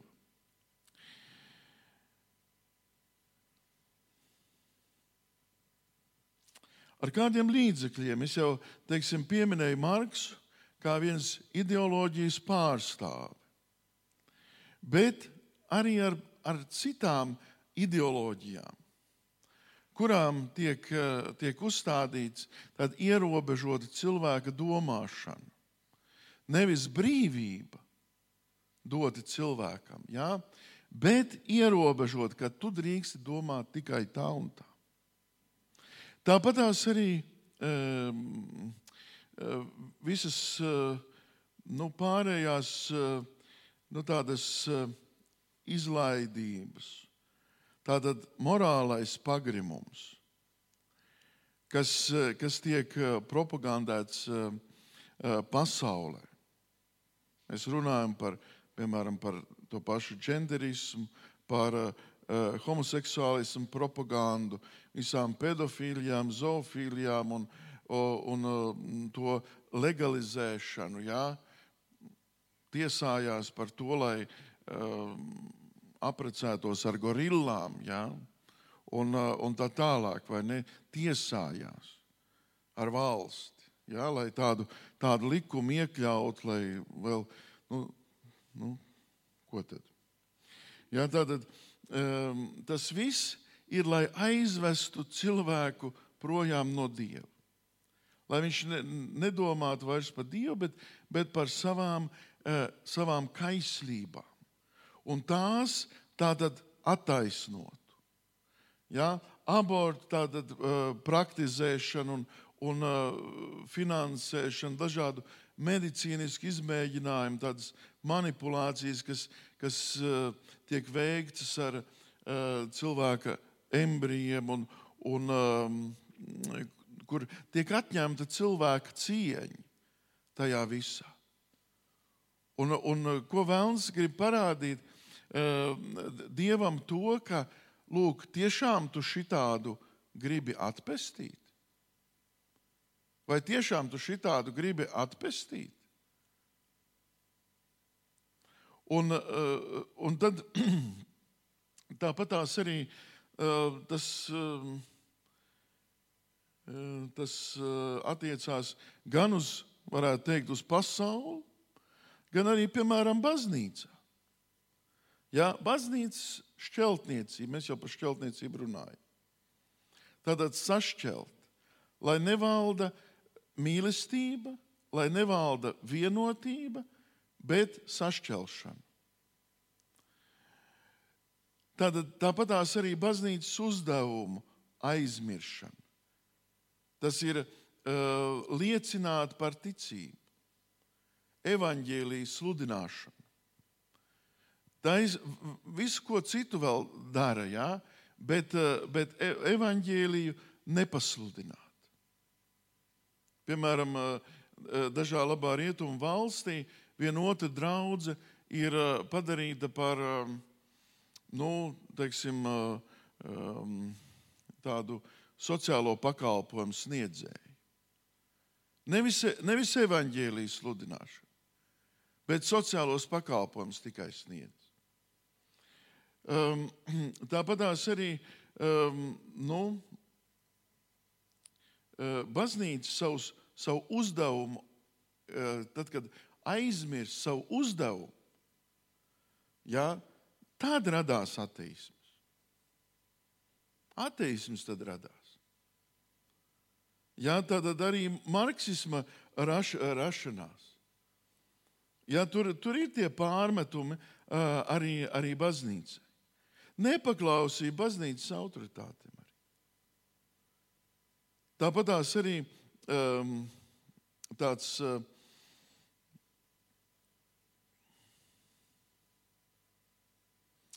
Tāds sinkrētisms, tāds tā kā uh, atšķirīgu reliģijas, reliģisku elementu savienojums, um, ar kristietību un māņticību, vai, vai okultismu, vai uh, pagānismu, kas arī uh, šeit, nu, šeit Latvijā uh, nu, tā kādreiz ienāk un um, kā grib, kā grib savienot um, nu, tādas nesavienojamas lietas. Ja? Mums jau Mums nav nekas kristiešiem, nevar būt nekas, piemēram, pret kaut kādām uh, uh, mūsu uh, nu, tādām uh, nacionālām zīmēm vai, vai um, tādām šo, šīm tautiskajām, tautisko kultūru, jā, etnogrāfiju un tā tālāk. Bet tur, kur aiziet tas, kad uh, šī zīme man nesīs laimi, jumītis man sargās māju. Jā, nevis Dievs sargās, bet man tagad jumītis sargās vai vēl kaut kas, vai es tur ķemīti pakāršu un, tur, un vēl tur būs labi un vēl kaut kāds, ka es piedēvēju tātad šīm te zīmēm pārdabisku nozīmi. Jā, tur ir tā atšķirība. Un uh, tad tas, tas jau ir ļaunums. Jā, tātad mēs, uh, bet ja mēs nu, lasām, piemēram, tautas dziesmas un, un palasām, kad viņas ir, šīs tautas dziesmas ir radušās, mēs atrodam, tas ir kristīgā laikmetā. Šīs tautas dziesmas ir, ir, uh, ir nu, um, dziedātas un, un, un sacerētas.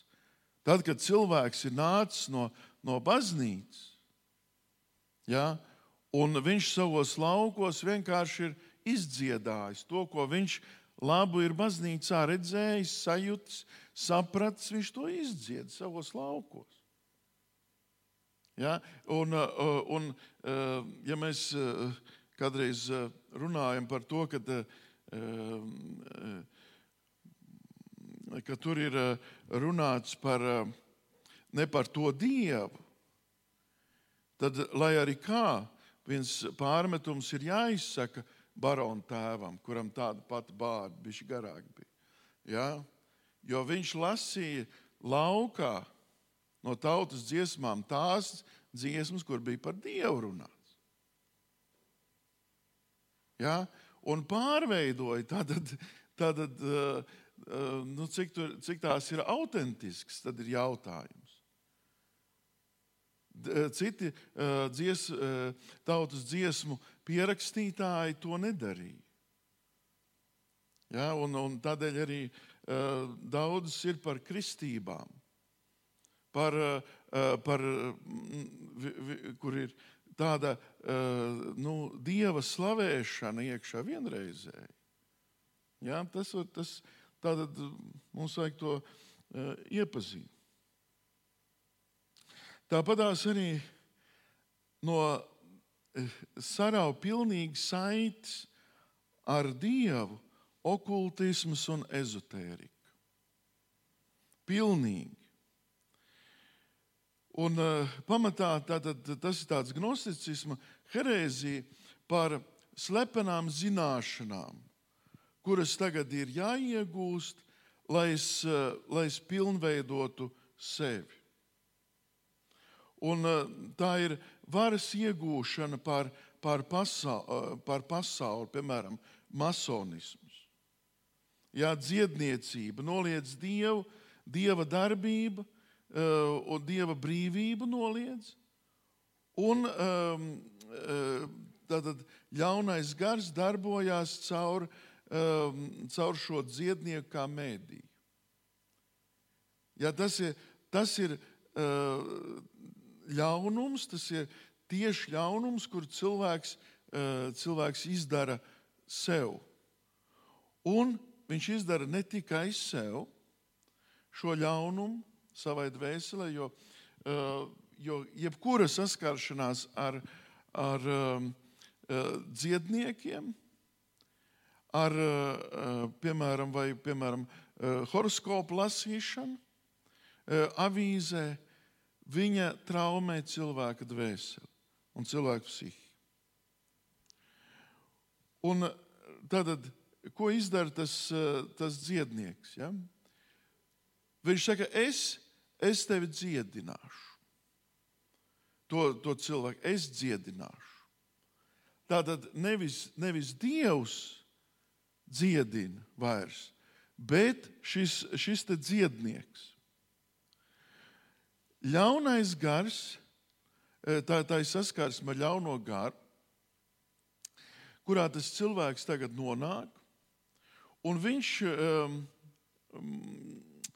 piemēram, to problēmu atrisina dabiskā veidā.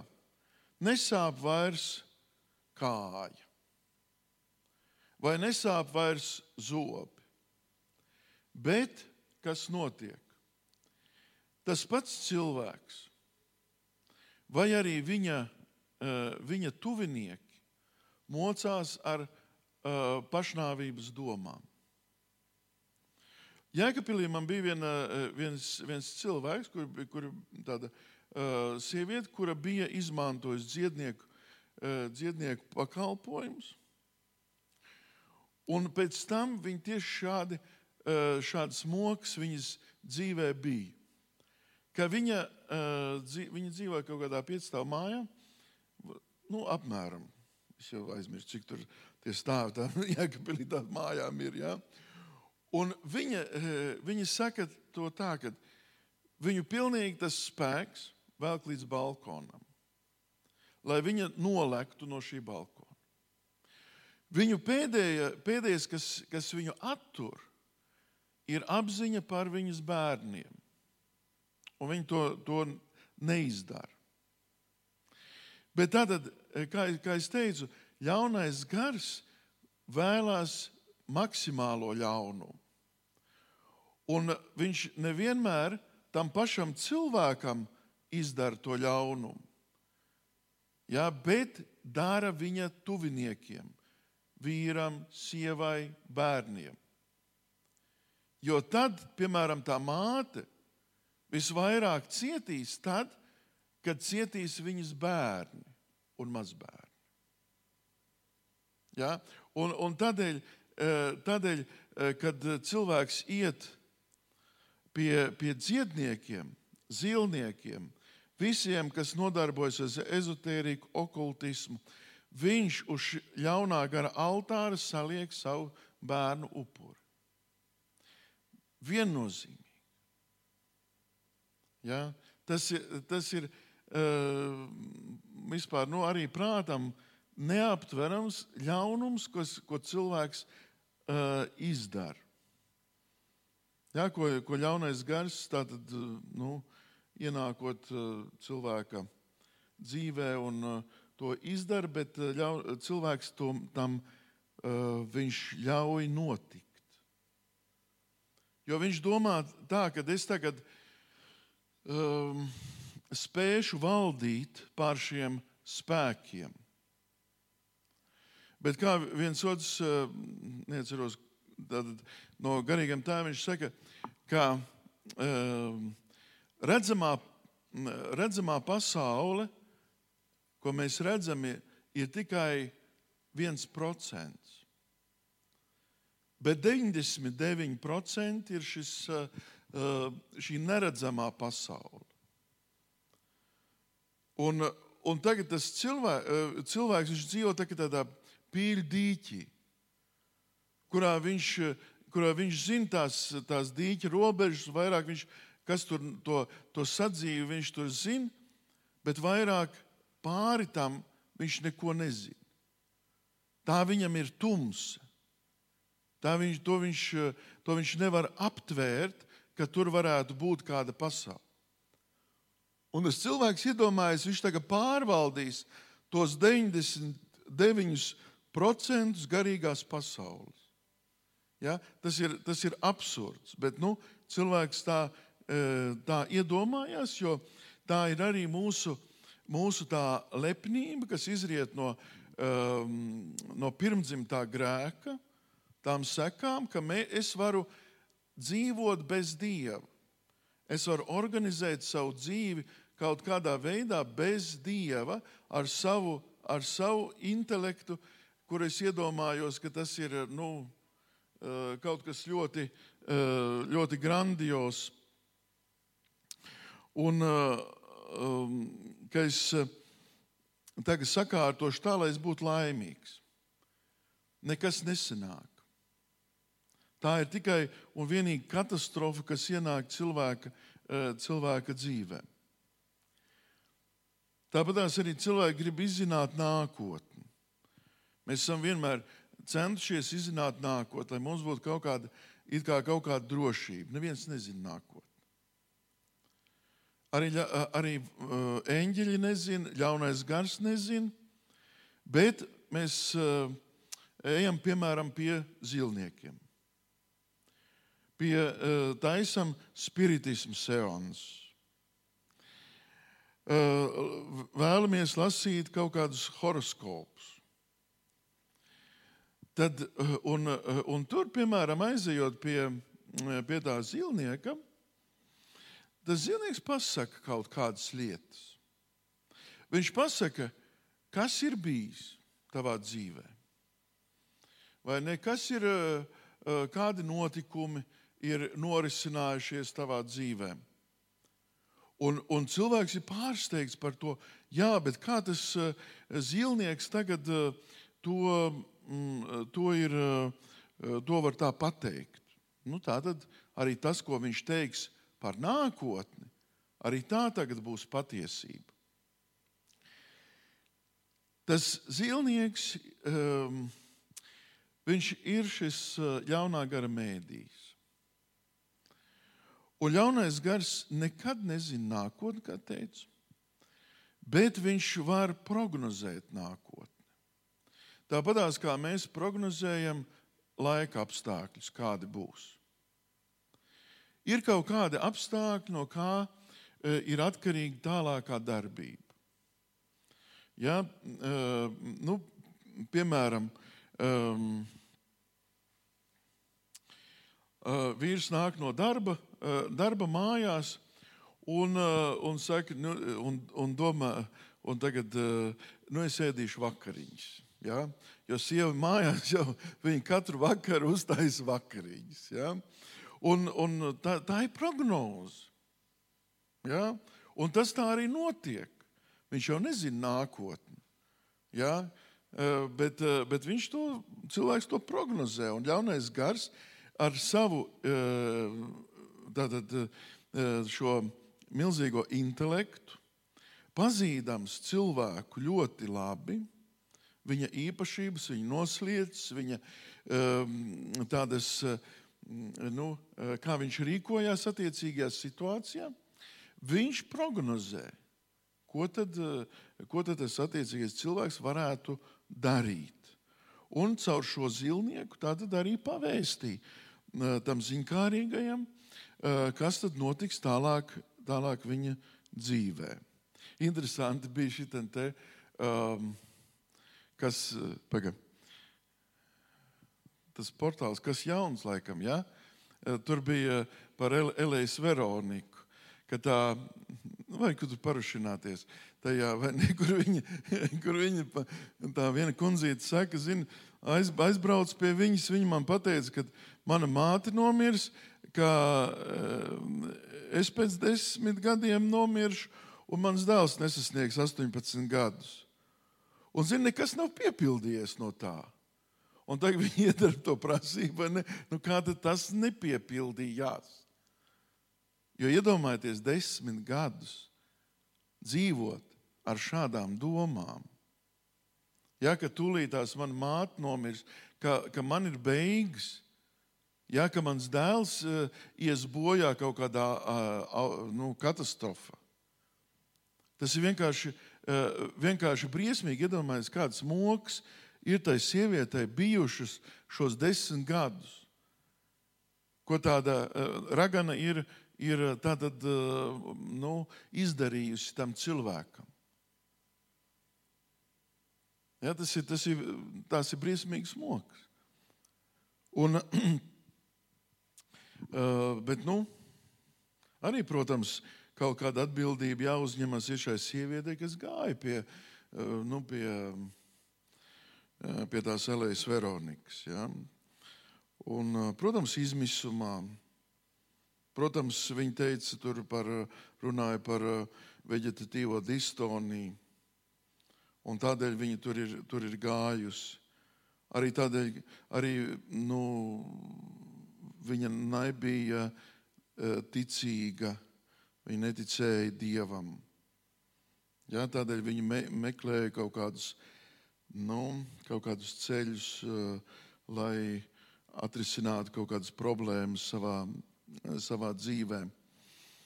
Bet nu, iemanto ļoti lielas problēmas.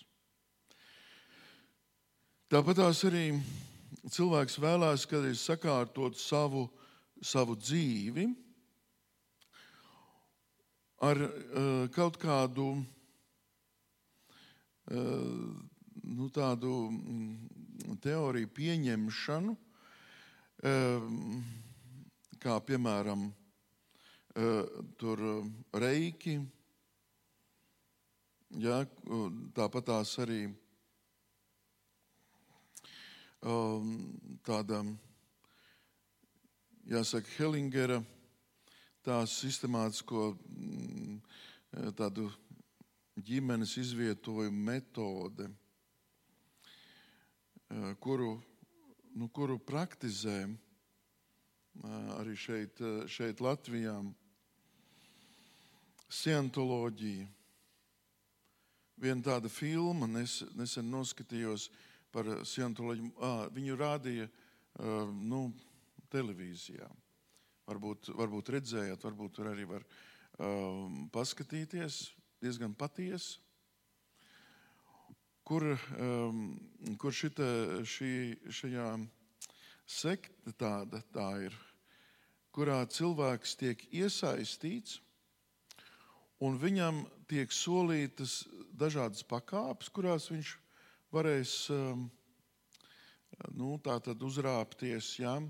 Tikai ir šīs iniciācijas jāveic.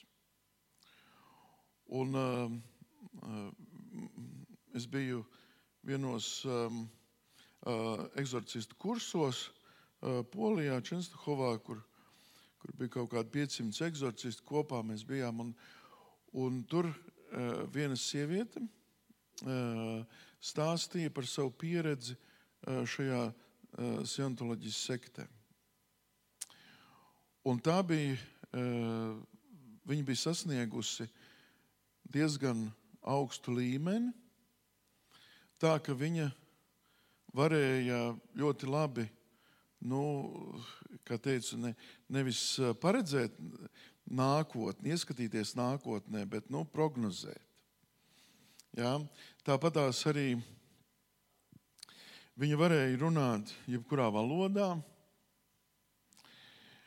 Tad, un arī viņa spēja piecelt mirušos uz astoņām minūtēm. Un, tātad, tas nozīmē, ka viņa, ka viņa ir diezgan tajā, nu, tajā vienā augstākiem tiem, tiem līmeņiem. Un to viņa ieguva, tātad atdodot savu, savu dzīvi, visu, pakārtojot šai sektē un izdarot šīs iniciācijas. Ne jau, kā mēs jau par to pareģošanu jau izrunājām, un arī par, um, par to mirušo piecelšanu.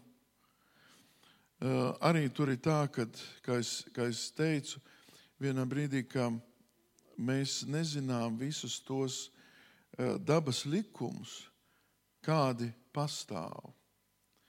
Taču ļaunais gars tos visus zina, Un viņš var dot šīs, eh, šīs zināšanas attiecīgai personai, kura var tās izmantot.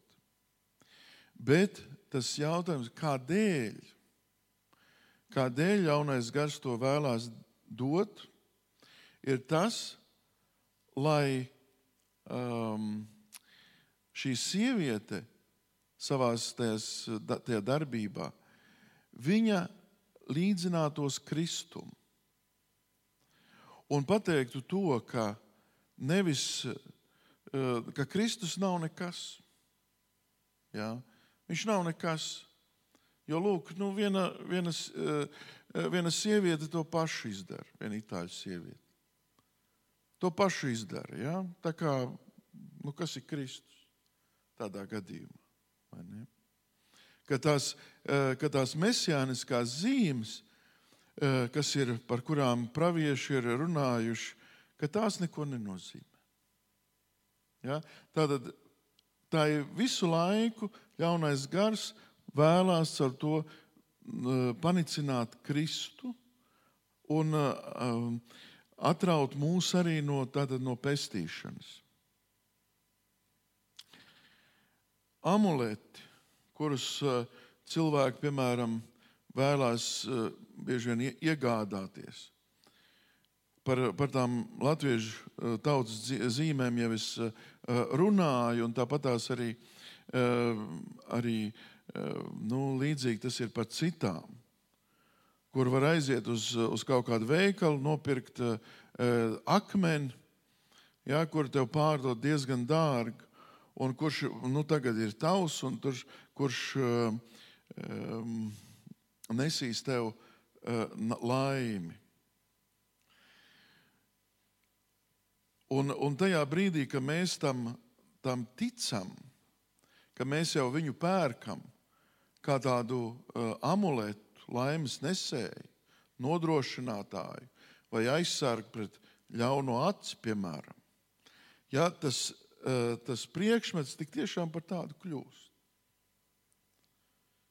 Ja, jo nu, mūsu dvēseles stāvoklis ir tas, ka, ka mēs esam novirzījušies jau no dieva projām. Šeit gan ir viena tāda, tāda piebilde, kas attiecās uz ceļotājiem, kuri ceļo uz, uz Āfriku, uz uh, Indiju un uh, vēl kādām, kādām tādām uh, nu, eksotiskām zemēm priekš mums, un ved, uh, ved šos amuletus uz, uz mājām, kas ir, uh, uh, nu, varētu teikt, tā, apstrādāti, jeb nolādēti. Arī tā tiek uh, ļaunā gara tāda darbība izplatīta. Jo bieži vien ir tādi, uh, tādi uh, nu, cilvēki, tie, šie cilvēki, kā, kā šamaņi, uh, kā tie, kas nodarbojas ar okultismu, viņu dabā radās tā tendence, ka, ka viņam ir jādara šis ļaunums. Un tad, un tad viņš to veids arī, piemēram, šos apvārdojot šos priekšmetus. Ja mēs, piemēram, kādu, nu, kādu priekšmetu, mēs, mēs par to, nu, atsakot, mēs svētījam. Ja, tad tas ir pretējais notiek ar šo, ar šo apvārdošanu. Jo svētījot, mēs to priekšmetu veltām dievam, piemēram, iesvētām baznīcu. Jeb katoliskā baznīcā saka, konsekrējam baznīcu. Tas ir šo telpu, šo, šo ēku mēs veltām dievam, dieva kultam. Bet, bet tātad viss, kas tajā, tajā notiek, tas ir dieva godam.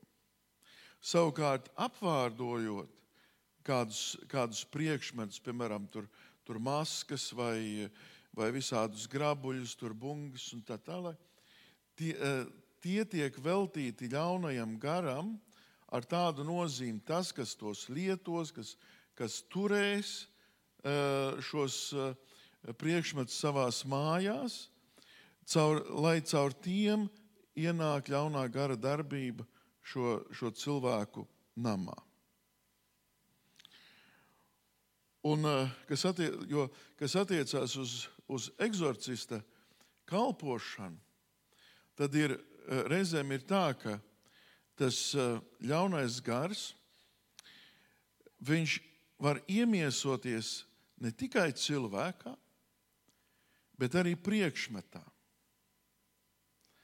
Arī, arī tas var būt nu, pakļauts ļaunajam garam, caur kuru šis ļaunais gars tātad darbojas. Caur šādiem priekšmetiem un caur šādu dvēseles stāvokli kas ir novirzījies no, tātad, no, tā, no, no dieva, no, no centra. Cilvēks uzaicina savā, eh, savā dzīvē ļauno garu. Piešķirot tam tātad šo savas dzīves telpu, piešķirot ļaunajam garam. Tas, protams, no, no, notiek bieži vien aiz muļķības, aiz lētticības, aiz um, tā, ka cilvēks netiek galā ar savu dzīvi. Un tā tālāk. Reizēm tas notiek, protams, aiz, aiz jau atklāta ļaunuma. Jā, kur, kur arī ir piemēram sātanisti, kuri um, um,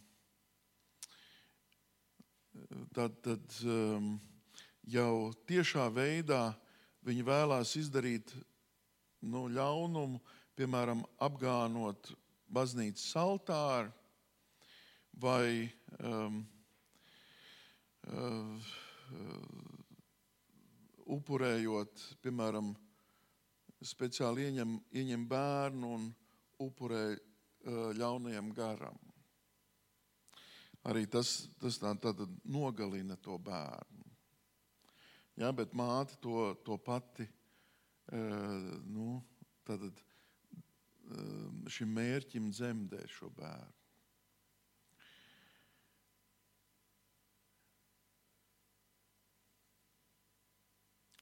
Tad ļauno garu uzaicina cilvēks savā dzīvē caur šādām zīmēm. Un, ja piemēram, Katoliskā baznīcā ir septiņi sakramenti, kas ir tāda pilnības zīme, pilnības tāds, tāds skaitlis ebrejiem, kas, eh, kas nozīmē, ka eh, sakraments tā ir, eh, tā ir svētdarbība un tā ir re- redzama Dieva žēlastības zīme. Tad ļaunajam garam šādas zīmes ir, varētu teikt, miljardi. Un katrs cilvēks var to it kā pat izdomāt pats. Ja? Pasakot, piemēram, nu, kad, ka es pielūgšu šo glāzi, ka šie glāzi ir kaut kas pārdabisks, un, un, uh, un, un es tagad uh, nu, kaut vai metīšos ceļos šīs glāzes priekšā un, un to pielūgšu. Tāpatās, kas tad notiek cilvēka dzīvē, kad viņš ir uzaicinājis ļauno garu? Kurš ir varbūt kaut kādus labumus so, solījis, kurus arī cilvēks, piemēram, viņš eh, da, varētu teikt, pat saņem. Tikai viņam tie arī tiek atņemti. Jo, kā teica, ļaunais gars nekad labu nedarīs. Ļaunais gars visu laiku traucē cilvēkam būt laimīgam. Piemēram, uh, tāds, bija tāds divs, divas māsas, kas, kas bija apsēstas, un uh, kurām um, vecā mamma vēlējās nodot tās savas nu, tās pesteļu grāmatas un šīs spējas no paudzes paudzē. Tātad viņiem ir jānodod, lai tās, lai tās nezustu. Un eh, tās māsas apzinoties to, ka tā, ka tā vecā mamma kaut kur viņas nu, kaut kā intuitīvi apzinās, ka, viņas, eh, ka viņa ir ļauna, nav pieņēmušas šī, eh, šo viņas nu, šo dāvanu pēdiņās, bet šīs māsas bija apsēstas. Jaunais gars bija iemiesojies viņās, un uh, viņas neizjuta savā dzīvē laimi. Ja, tad viņas dzīvoja tādā, tādā stāvoklī, ka, ka viņas uh, neizjūt laimi. Viņas varēja smieties, viņas varēja uh, paust visādas savas, savas emocijas, bet tās nebija, uh, tur nebija laimes, tās sajūtas. Un tad, kad viņas, uh, tad, kad viņas tika atbrīvotas, nu, fakti, nu, godīgi sakot, viena no, no šīm māsām. Ja? Viņa tika atbrīvota, otra vēl ir pagaidām apsēsta. Vēl. Viņa, tas cilvēks, uzplauka. Un tas, tas eksorcistam ir tas lielākais laimes brīdis, kad tu redzi, ka cilvēks ir atbrīvots no, no ļaunā gara. Un ka viņa dzīve pilnīga, pilnīgi pārmainījusies, ka viņš zied un viņš zied dievam par godu. Tā, tā, tā sieviete, viņa, viņa baznīcā nav tikai svētdienā vairs. Ja, viņa ir ikdienā baznīcā. Dievam katru dienu pateicoties par to, ka viņa ir brīva. Tāpat tās tur visa viņa profesionālā darbība un tā tālāk. Tas pilnīgi ir uzzietējusi. Ja? Tad, um, tad eh, cilvēks, kas ir ielaidis savā, savā dzīvē ļauno garu, um, viņš nespēja aiziet uz dievkalpojumu. Viņš kļūst vienaldzīgs pret to. Ja? Šeit uh, bija atšķirš, uh, laikam es mm, jums jaucu galvu ja? par to cilvēku, kas ir apsēsts. Tas ir, uh, par to parunāsim bišķi savādāk vai ne vēlāk, bet par to, kas ir ar savu brīvo gribu, viņš ir ielaidis ļauno garu savā, savā dzīvē un nodarbojas ar kādām okultām, ezotēriskām lietām, viņš kļūst vienaldzīgs pret Dievu. Un, eh, un es tā, eh, nu, esmu to piedzīvojis daudzas reizes, eh, redzējis cilvēkus, kuri, kuri kļūst vienaldzīgi, vēsi pret Dievu. Viņiem kaitina Dievs. Viņi, um, viņi jebko, kas ir reliģis, viņi atgrūž. Svētos rakstus viņi nelasīs reliģisko literatūru nelasīs. Par Dievu dzirdēt nevēlas, visu atgrūž. Ja? Un jo tālāk tas iet, jo, jo viņš kļūst ar vien, ar vien vēsāks, un viņa acīs ir nāve. Būtībā var ieraudzīt tā, tā cilvēka dvēseles nāvi. Ja? Tad cilvēks nespēja izsūdzēt grēku. Ja, viņš nespēja izsūdzēt grēkus. Viņš, viņš ne, viena lieta, viņš neatzīst sevi, uh, ka viņš ir grēkojis. Viņš neatzīst, viņš negrib uh, nu, atzīt un meklēt attaisnojumus. Un otrs, viņš neredz grēkus. Viņš neredz, viņš, uh, bet šeit arī tāds salīdzinājums ir ar apsēstu cilvēku, kurš, kurš liecina par to, kā attiecībā uz viņa grēkiem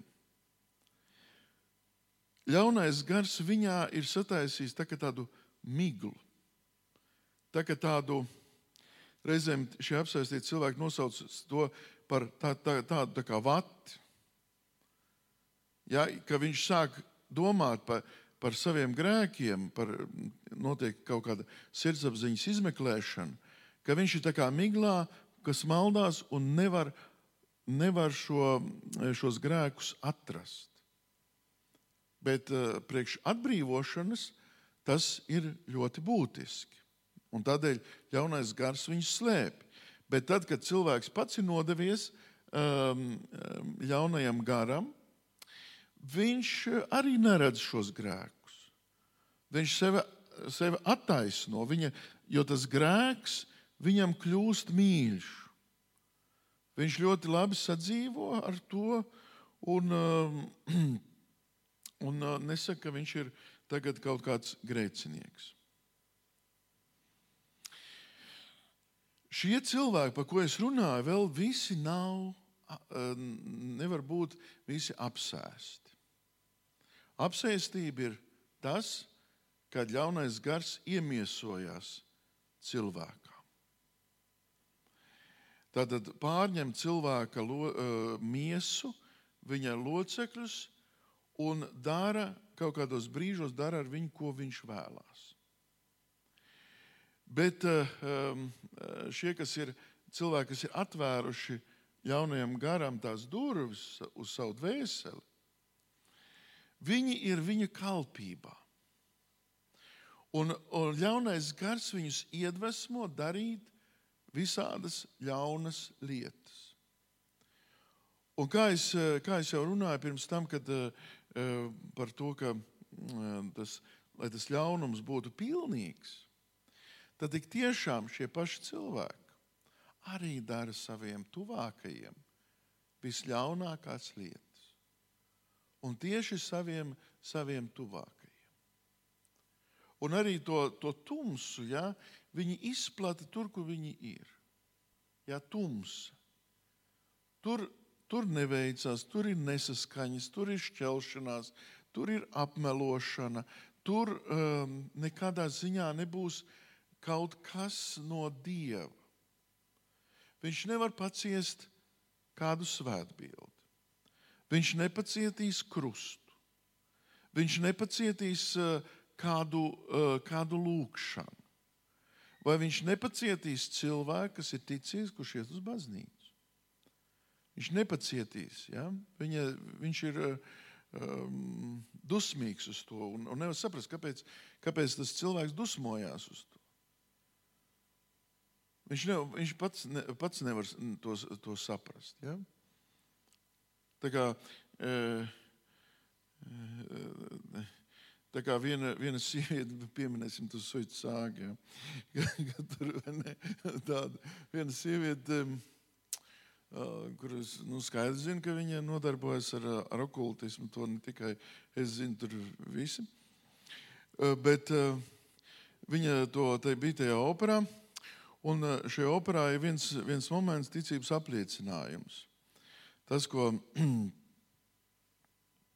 tas Nicējas koncils, ticības apliecinājums. Ja? Un tagad, un viņa tam orķestra direktoram, viņa kliedz, ja? viņa saka, viņa saka mūz, mūzika skaista, bet es to nevarēju izturēt. Ja? Es, es nevarēju to izturēt, es, nu, tā kā, nu, miru nost. Ja, jo tas bija ticības apliecinājums. Ja, tas ir tā, tāda, tie, tie cilvēki nevar to, nevar to izturēt. Tad viens, viens stāvoklis ir tāds, kur cilvē, tas aplenkums stāvoklis kas arī nav iemiesošanās, bet aplenkums, kur ļaunais gars iespaido cilvēku no ārienes. Tas cilvēks pats varbūt ir atteicies no ļaunā gara. Viņš bija kādreiz sadarbojies, varbūt. ielaidis savā dzīvē ļauno garu. Bet tagad viņš ir pienācis pie, e, pie e, tās atziņas, ka viņam ir jātiek no, no tā ļaunā gara vaļā. Bet ļaunais gars visu laiku iespaido viņa, viņa dzīvi. Viņam kaitēdams, um, viņa, piemēram, veselībai, viņa mantai un tā tālāk, daudzām tādām, nu, tādām lietām. Ja? Un, uh, tas nozīmē, ka tur arī eksorcists var um, palīdzēt un diezgan ātri palīdzēt. Bet tas tie smagākie gadījumi, kā jūs saprotat, ir arī ir tieši apsēstība. Kad eh, ļaunais gars ir iemiesojies un pārņem cilvēka dzīvi. Kādēļ tas notiek? Dievs to pieļauj. Tas ir viens. Jo šis, eh, šis cilvēks varbūt viņš savādāk neatgriezīsies. Bet um, kādēļ ļaunais gars ir to uh, uz viņu metis acis un, un uh, tātad iemiesojies? Ir tādēļ, vai nu tas cilvēks ir bijis pastāvīgā, nāvīgā grēka stāvoklī, vai, vai arī ir nodarbojies ar okultismu. Pauzīt. Tātad nodarbojas ar okultismu. Un tādā veidā viņš ir, viņš ir um, ieaicināts ne tikai tas, viņa dzīvē, tā cilvēka, bet apsēsts.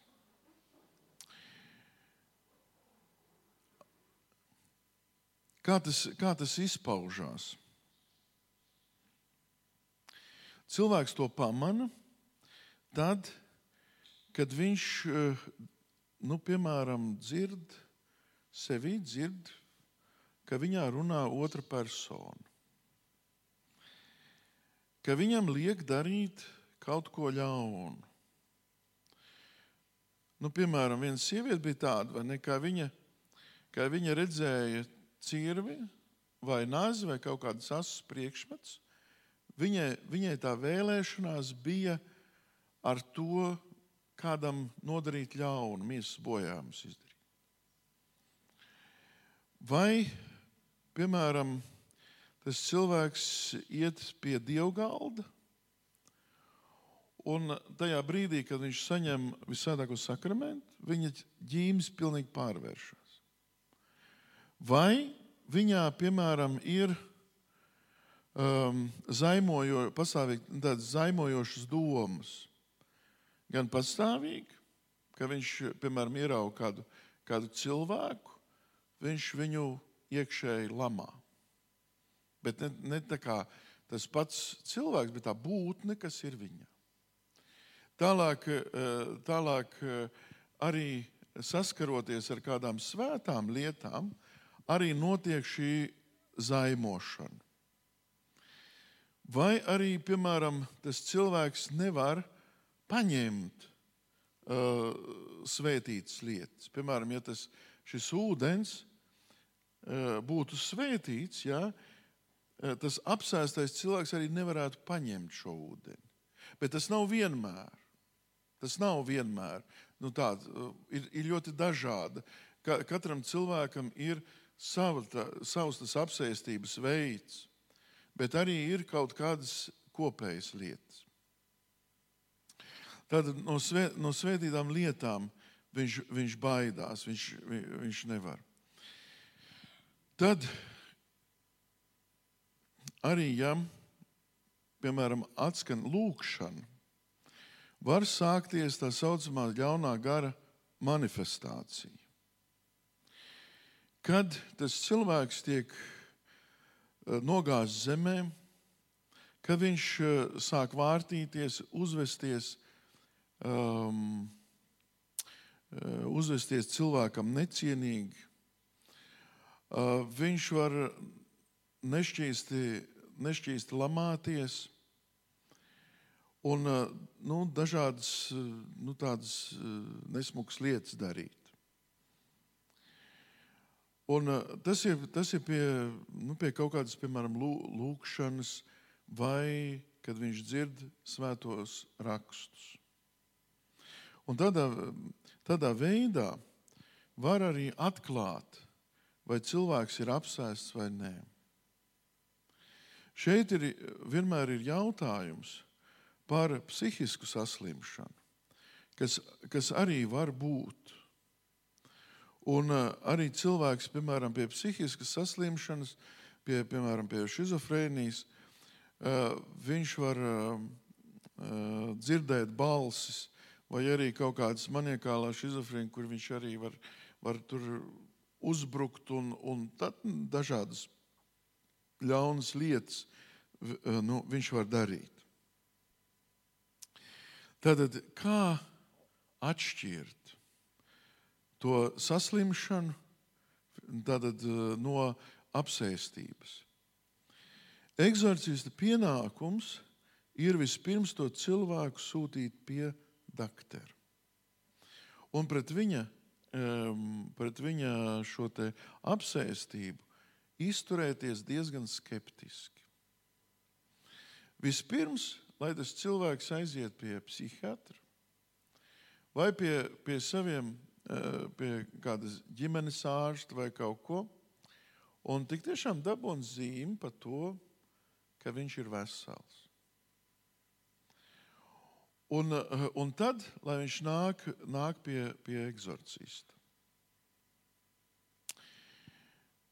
Eh, protams, ir bijuši, bijuši gadījumi tādi, kad eh, nu, visur uzreiz skaidrs.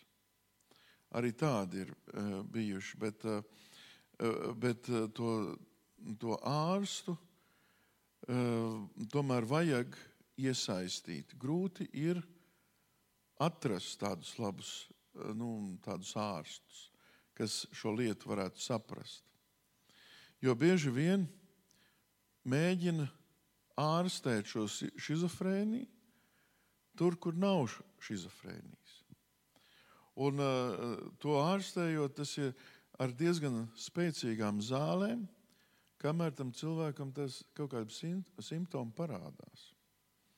Tā arī viena tāda, tāda problēma. Um,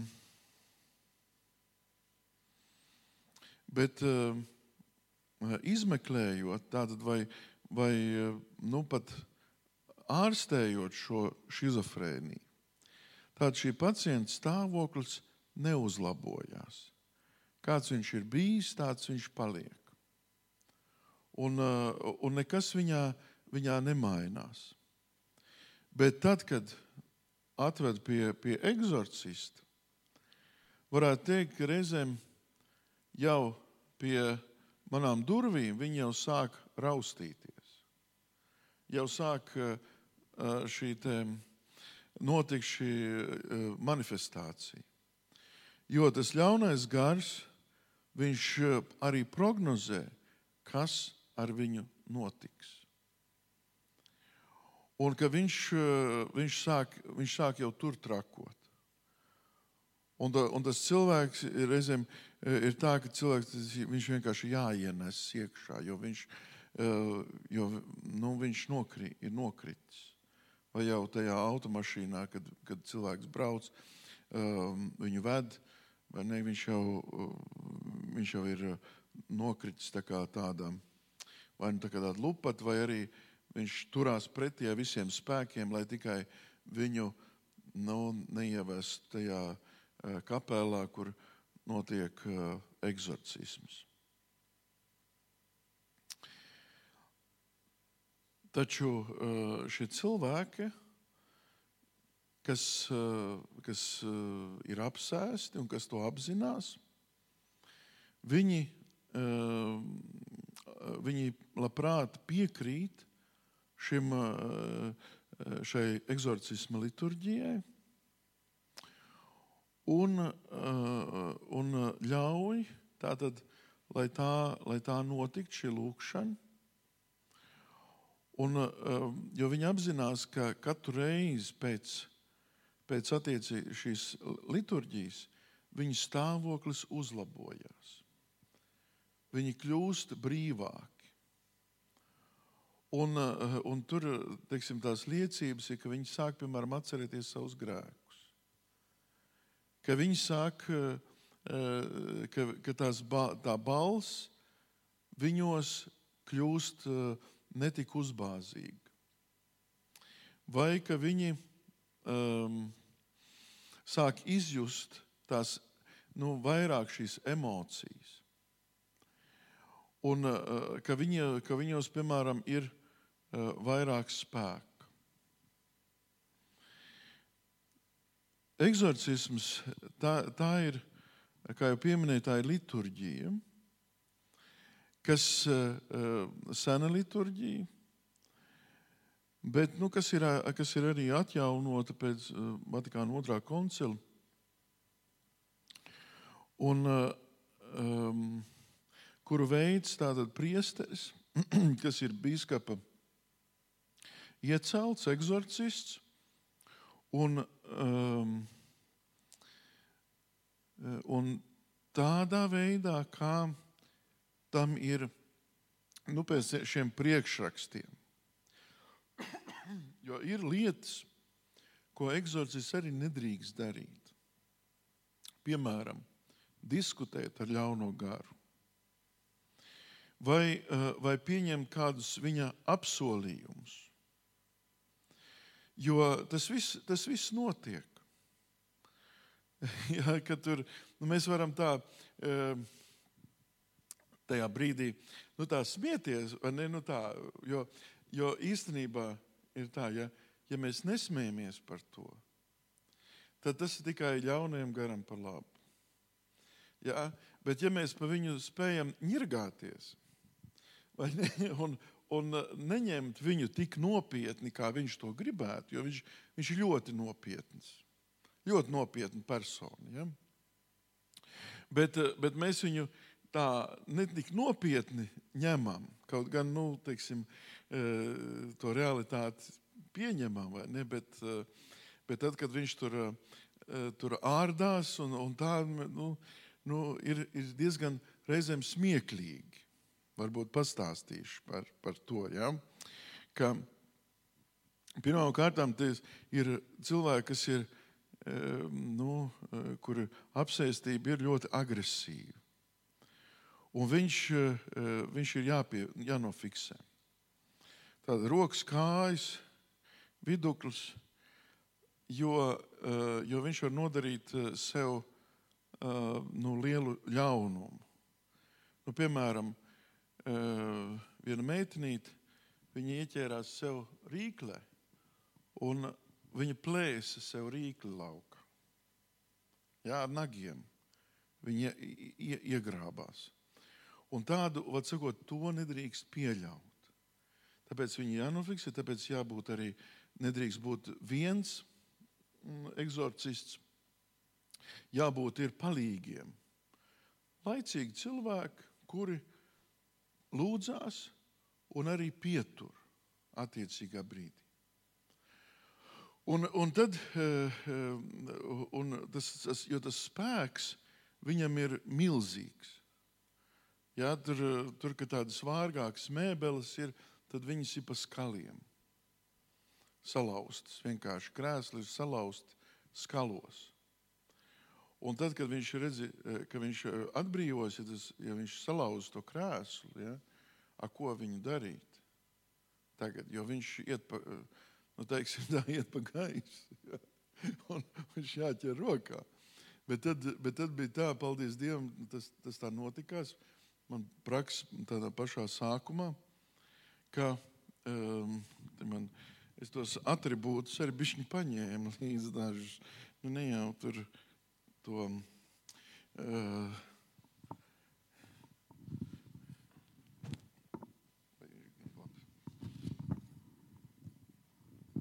tāds svētītais ūdens, jā, kas ir. Tad ir krusts, kas ir nepieciešams.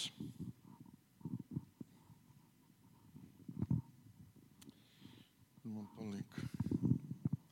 Tad ir stola, kas ir nu, priestera varas zīme. Ja? Un reizēm tiek izmantotas arī svētītās eļļas. Iz, izstāstīšu. Nu, un, ka šis uh, apsēstais vīrs tika no tā mana krēsla nu, tā veiksmīgi vaļā. Tad paldies Dievam, kad pacēla to šito krustu, un viņš nokrīt. Viņš nokrīt. Viņš ir gan zem, viņš nevar pacelt, piecelties. Viņš nevarēja, kad uh, krustu tā vienkārši pa gabalu parādīja viņam. Un viņš ir gar zemi. Ja? Tā kā saka, ka bērns kā vēlns no krusta. ja? Un tas arī notiekās.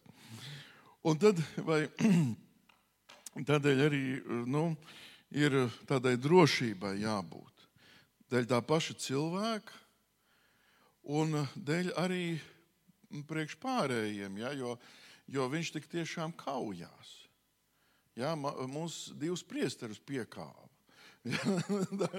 Nospārdīja kājām un rokām. Tā mums, mums bija, tas, tas bija arī mans prakses tādā sākumā, kad, kad es tā vēl neapjautu to, to spēka lielumu, to, to, to nu, veiklību, ar kādu viņš, kādu viņš darbojās.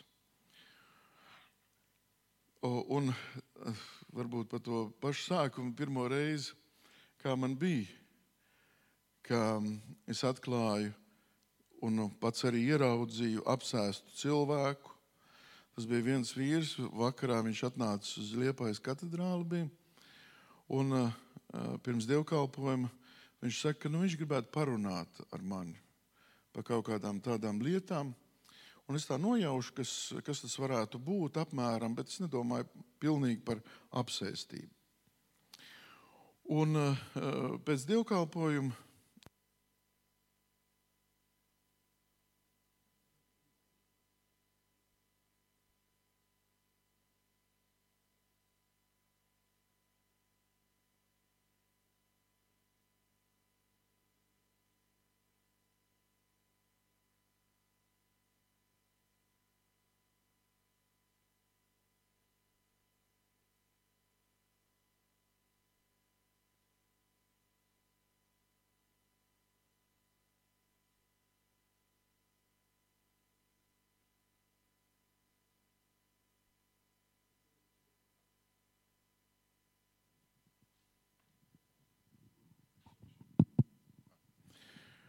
Un pēc uh, dievkalpojuma tad um, mēs pieejam pie altāra.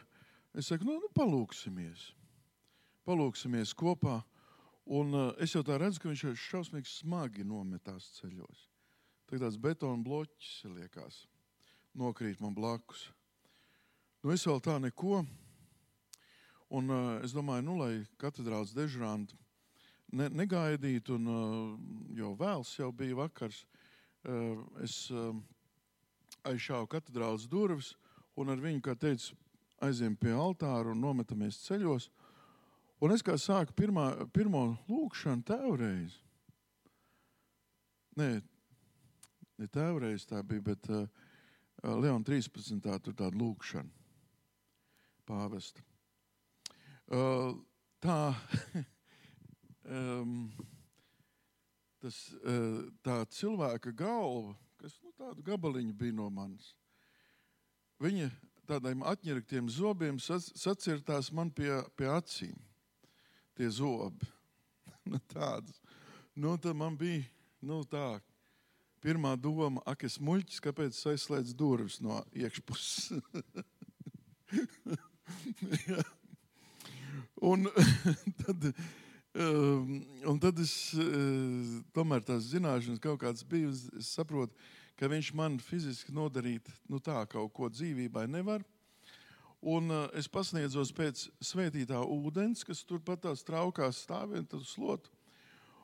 Un, un viņam ar to ūdeni, ne ar to slotu, ja, bet ar, tikai ar ūdeni. Viņš atsprāga no manis tā kā dabūjis ar kulaku. Tā kā būtu dabūjis riktīgi ar kulaku pa ģīmi. Ja. Viņš uh, bija, bija nost. Nu, un tad viņš, uh, tad es centos, cik jau es varēju, palasīt to lūkšanu. jā, jo man arī bija tāds, zini, tāds nervu pagājis, kā teikt, vai ne iekšēji. Bet es mēģināju savaldīties un eh, šo lūkšanu nolasīt. Tajā brīdī viņš, viņš rūca, krāca, viņš eh, eh, nu, tādas skaņas izdeva tā kā, tā kā tāds dzīvnieks. Bet, kad beidzās šī lūkšana, viņš piecēlās pilnīgi kā normāls cilvēks.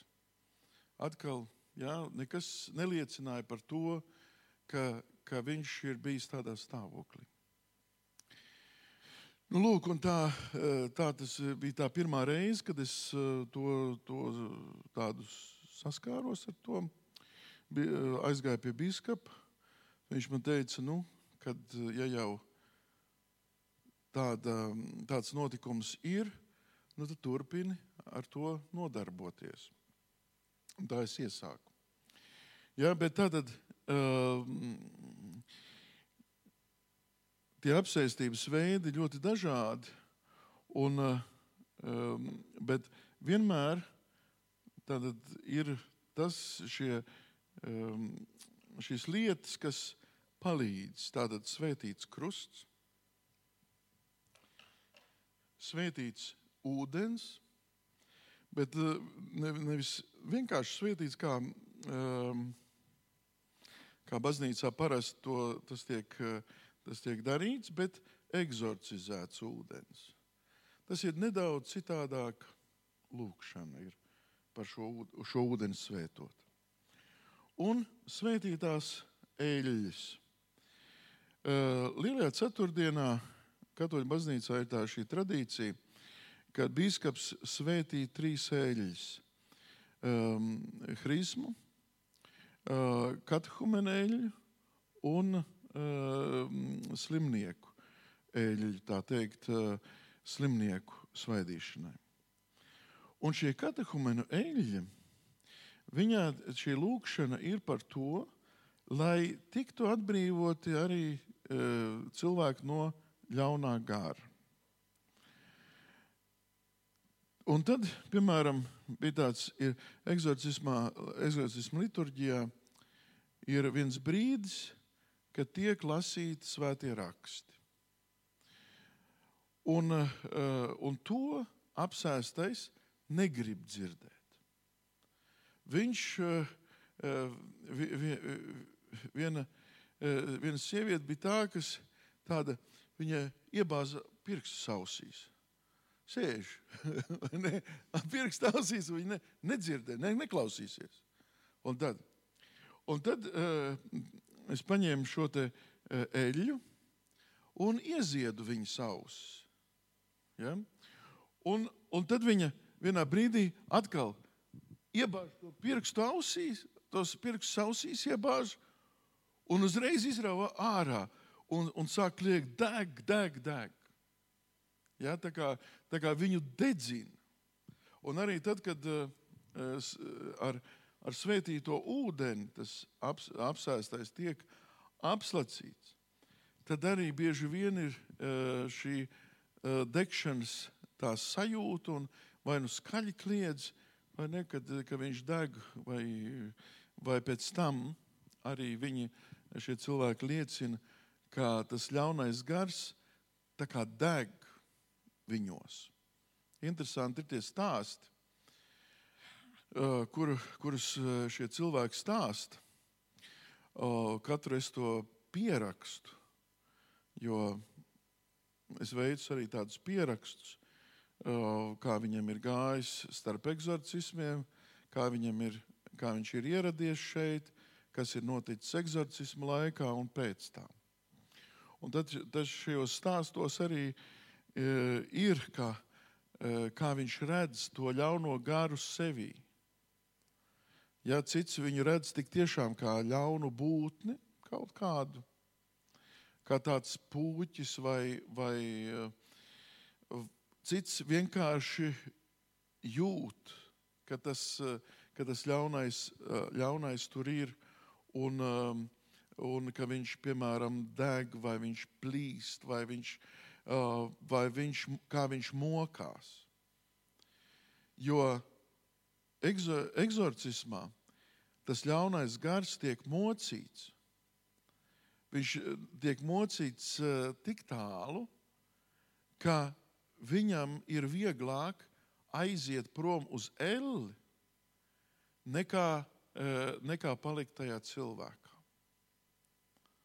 Jā, tas, tas ir tāds, eh, tas jādabū, un viņš ir laukā no tā cilvēka. Viņš ir tik tālu jānoved.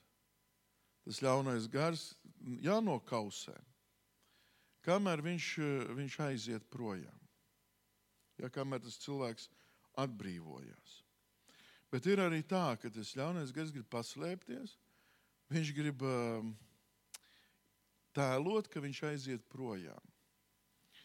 Un, uh, un tad bija tāds, viens tāds uh, gadījums, ja, ka uh, tas apsēstais cilvēks, viņš šausmīgi, viņš šausmīgi lamājās visu laiku. No tādiem vārdiem es, es kā 12 gadu biju cietuma kapelāns, tur tādus vārdus nedzirdēju. Jā, kā, kā es kā dzirdēju, kā tas tur lamājās. Ja, un, un visu, ko viņš uh, nu, ar mani neizdarīs, un, un, un kā tur rīkosies, un tā, un, un vēl uz citiem, vēl ko tur vai ne. Un vienā brīdī aciņas pavērās uz debesīm, un viņš sāk, sāk dziedāt Ave Mariju. Jā, to dziedājumu. Ave Marija sāk dziedāt. Un, un, un tik skaisti ir, lai es, lai es noticētu. Vai ne, protams, vai ne, nu, es turpināju eksorcismu liturģiju. Un, un tad, kad viņam ši, tas, tas neizdevās, tad viņš varētu teikt, ka viņš divkārt uh, briesmīgi lamājās ne, par to, ka viņš, viņš ir piešņākts. Un, nu, tā, nu, tā, tādas, tādas notiekās arī. Um, tad ir tad ir tā arī tā, ka, piemēram, eksorcisma laikā viens, vienam no palīgiem tas ļaunais gars nostāstīja visus viņa grēkus. Publiski. Ja? Tas nabaga cilvēks palika sarkans, un, un tūlīt tas bija pie grēksūdas. Bet viņš visu viņš atklāja publiski jo viņš grib nobaidīt. Viņš grib tā, lai, tā, lai um, neviens tajā nepiedalītos, lai, vi, lai, lai nobaidītu.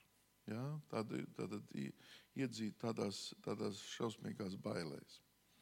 Jo ir bijuši vīri, kas, uh,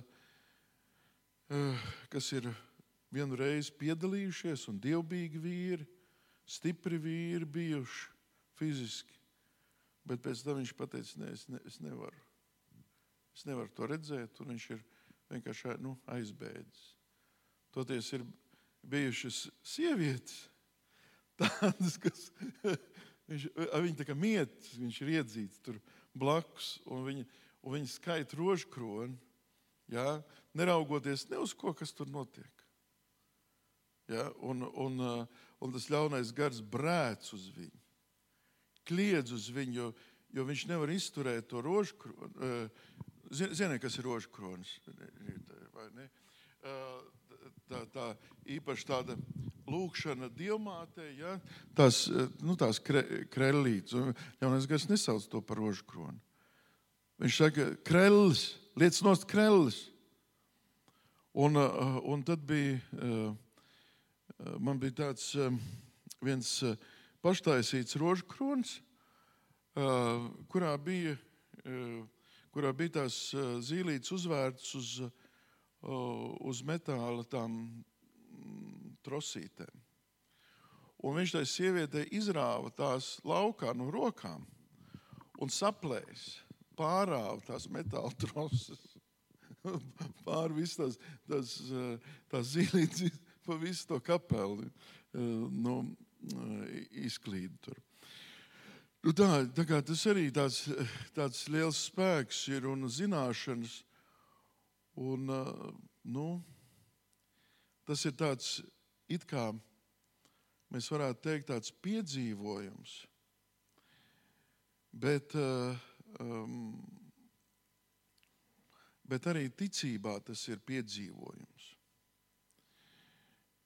Jo um, tas nu, ticības, ticības spēkam, ka, ka lūkšanai ir apbrīnojams spēks, tēva reizē, ko mēs, mēs ikdienā tā mierīgi skaitām tēva reizi.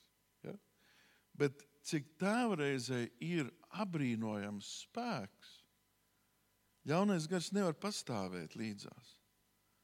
Viņ, viņš, viņš kliedz, sāpēs kliedz.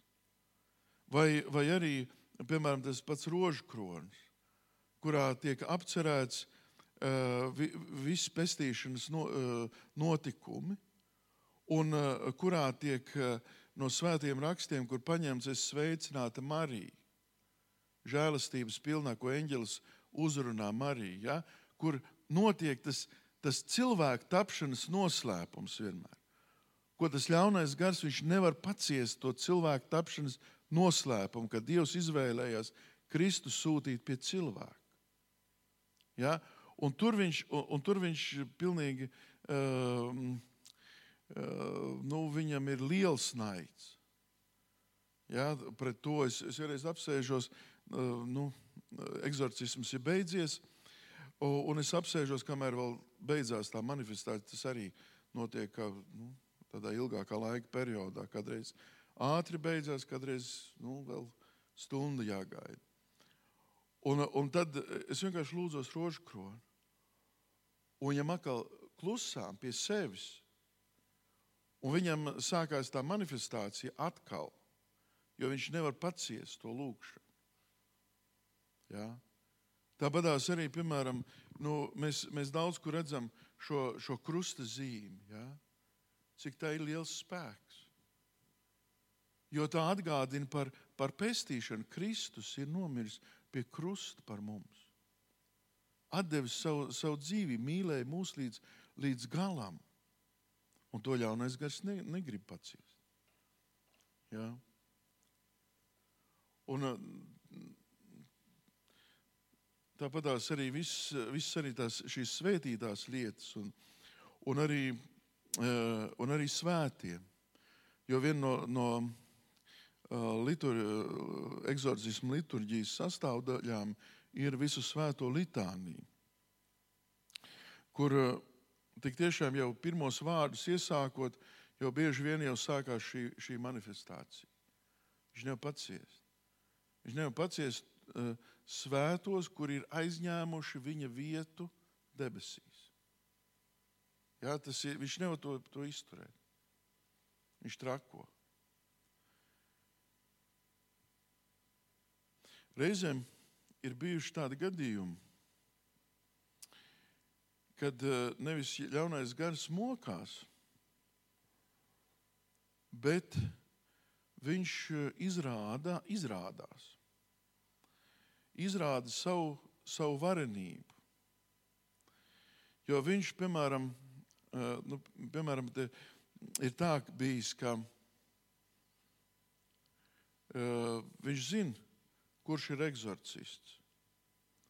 Viņš to zina skaidri. Un viņš, piemēram, nekad neatklāsies cilvēkam, kas nav eksorcists. Tas arī var būt. Viņš, neat, viņš, var, viņš var neatklāties. Un tādas, un tādas piemēram, ar, ar vienu to, to pašu pirmo uh, uh, cilvēku, ko es satiku apsēsto, tā arī notika ka viņš gāja pie viena, pie otra, un nekas nenotika. Bet e, ļaunais gars viņš jau varēja nu, prognozēt. Prognozēt to, ka, ka es dabūšu to mandātu. Un, uh, un tādēļ viņš bija spiests atklāties. Tad arī, piemēram, ir bijuši gadījumi tādi, kur viņš parāda savu varu un pasaka, tu man neko nevari izdarīt. Arī, to, arī tādi gadījumi ir bijuši. Tā kā tā, nu, tā, kā tā jāsaprot, ka tā ir uh, dzīva, reāla būtne, ar ko mēs, uh, ko mēs satiekamies. Ja, un, uh, Nu, jā, varbūt kaut kādi jautājumi ir. Es gribu teikt paldies par šo priekšcēlumu un aizejot nomainīt baterijas, kuras tu nobeidzi. Viņās nebija ļaunais gars. es teicu aizmugurē esošajiem, ka laiks ir vienkārši aizlidojis. Tāpēc es vienā brīdī paskatījos, ka Mārim bija jābūt trijos uz soundcheck, un es gāju pie viņa. Saku, piedod, laiks ir aizlidojis. Ne, un, un, un viņš jau devās prom. Tāpēc notika tādas lietas.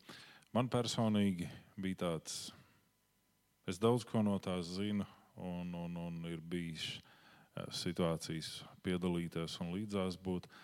Bet šķiet, ka tas bija tāds nav labs pārdoma un eh, atziņas moments katram no mums, ka tā ir realitāte ar kuru mēs reizēm spēlējamies. Un tā kā tu teici, paši atveram durvis, pameņģējamies, paušojamies.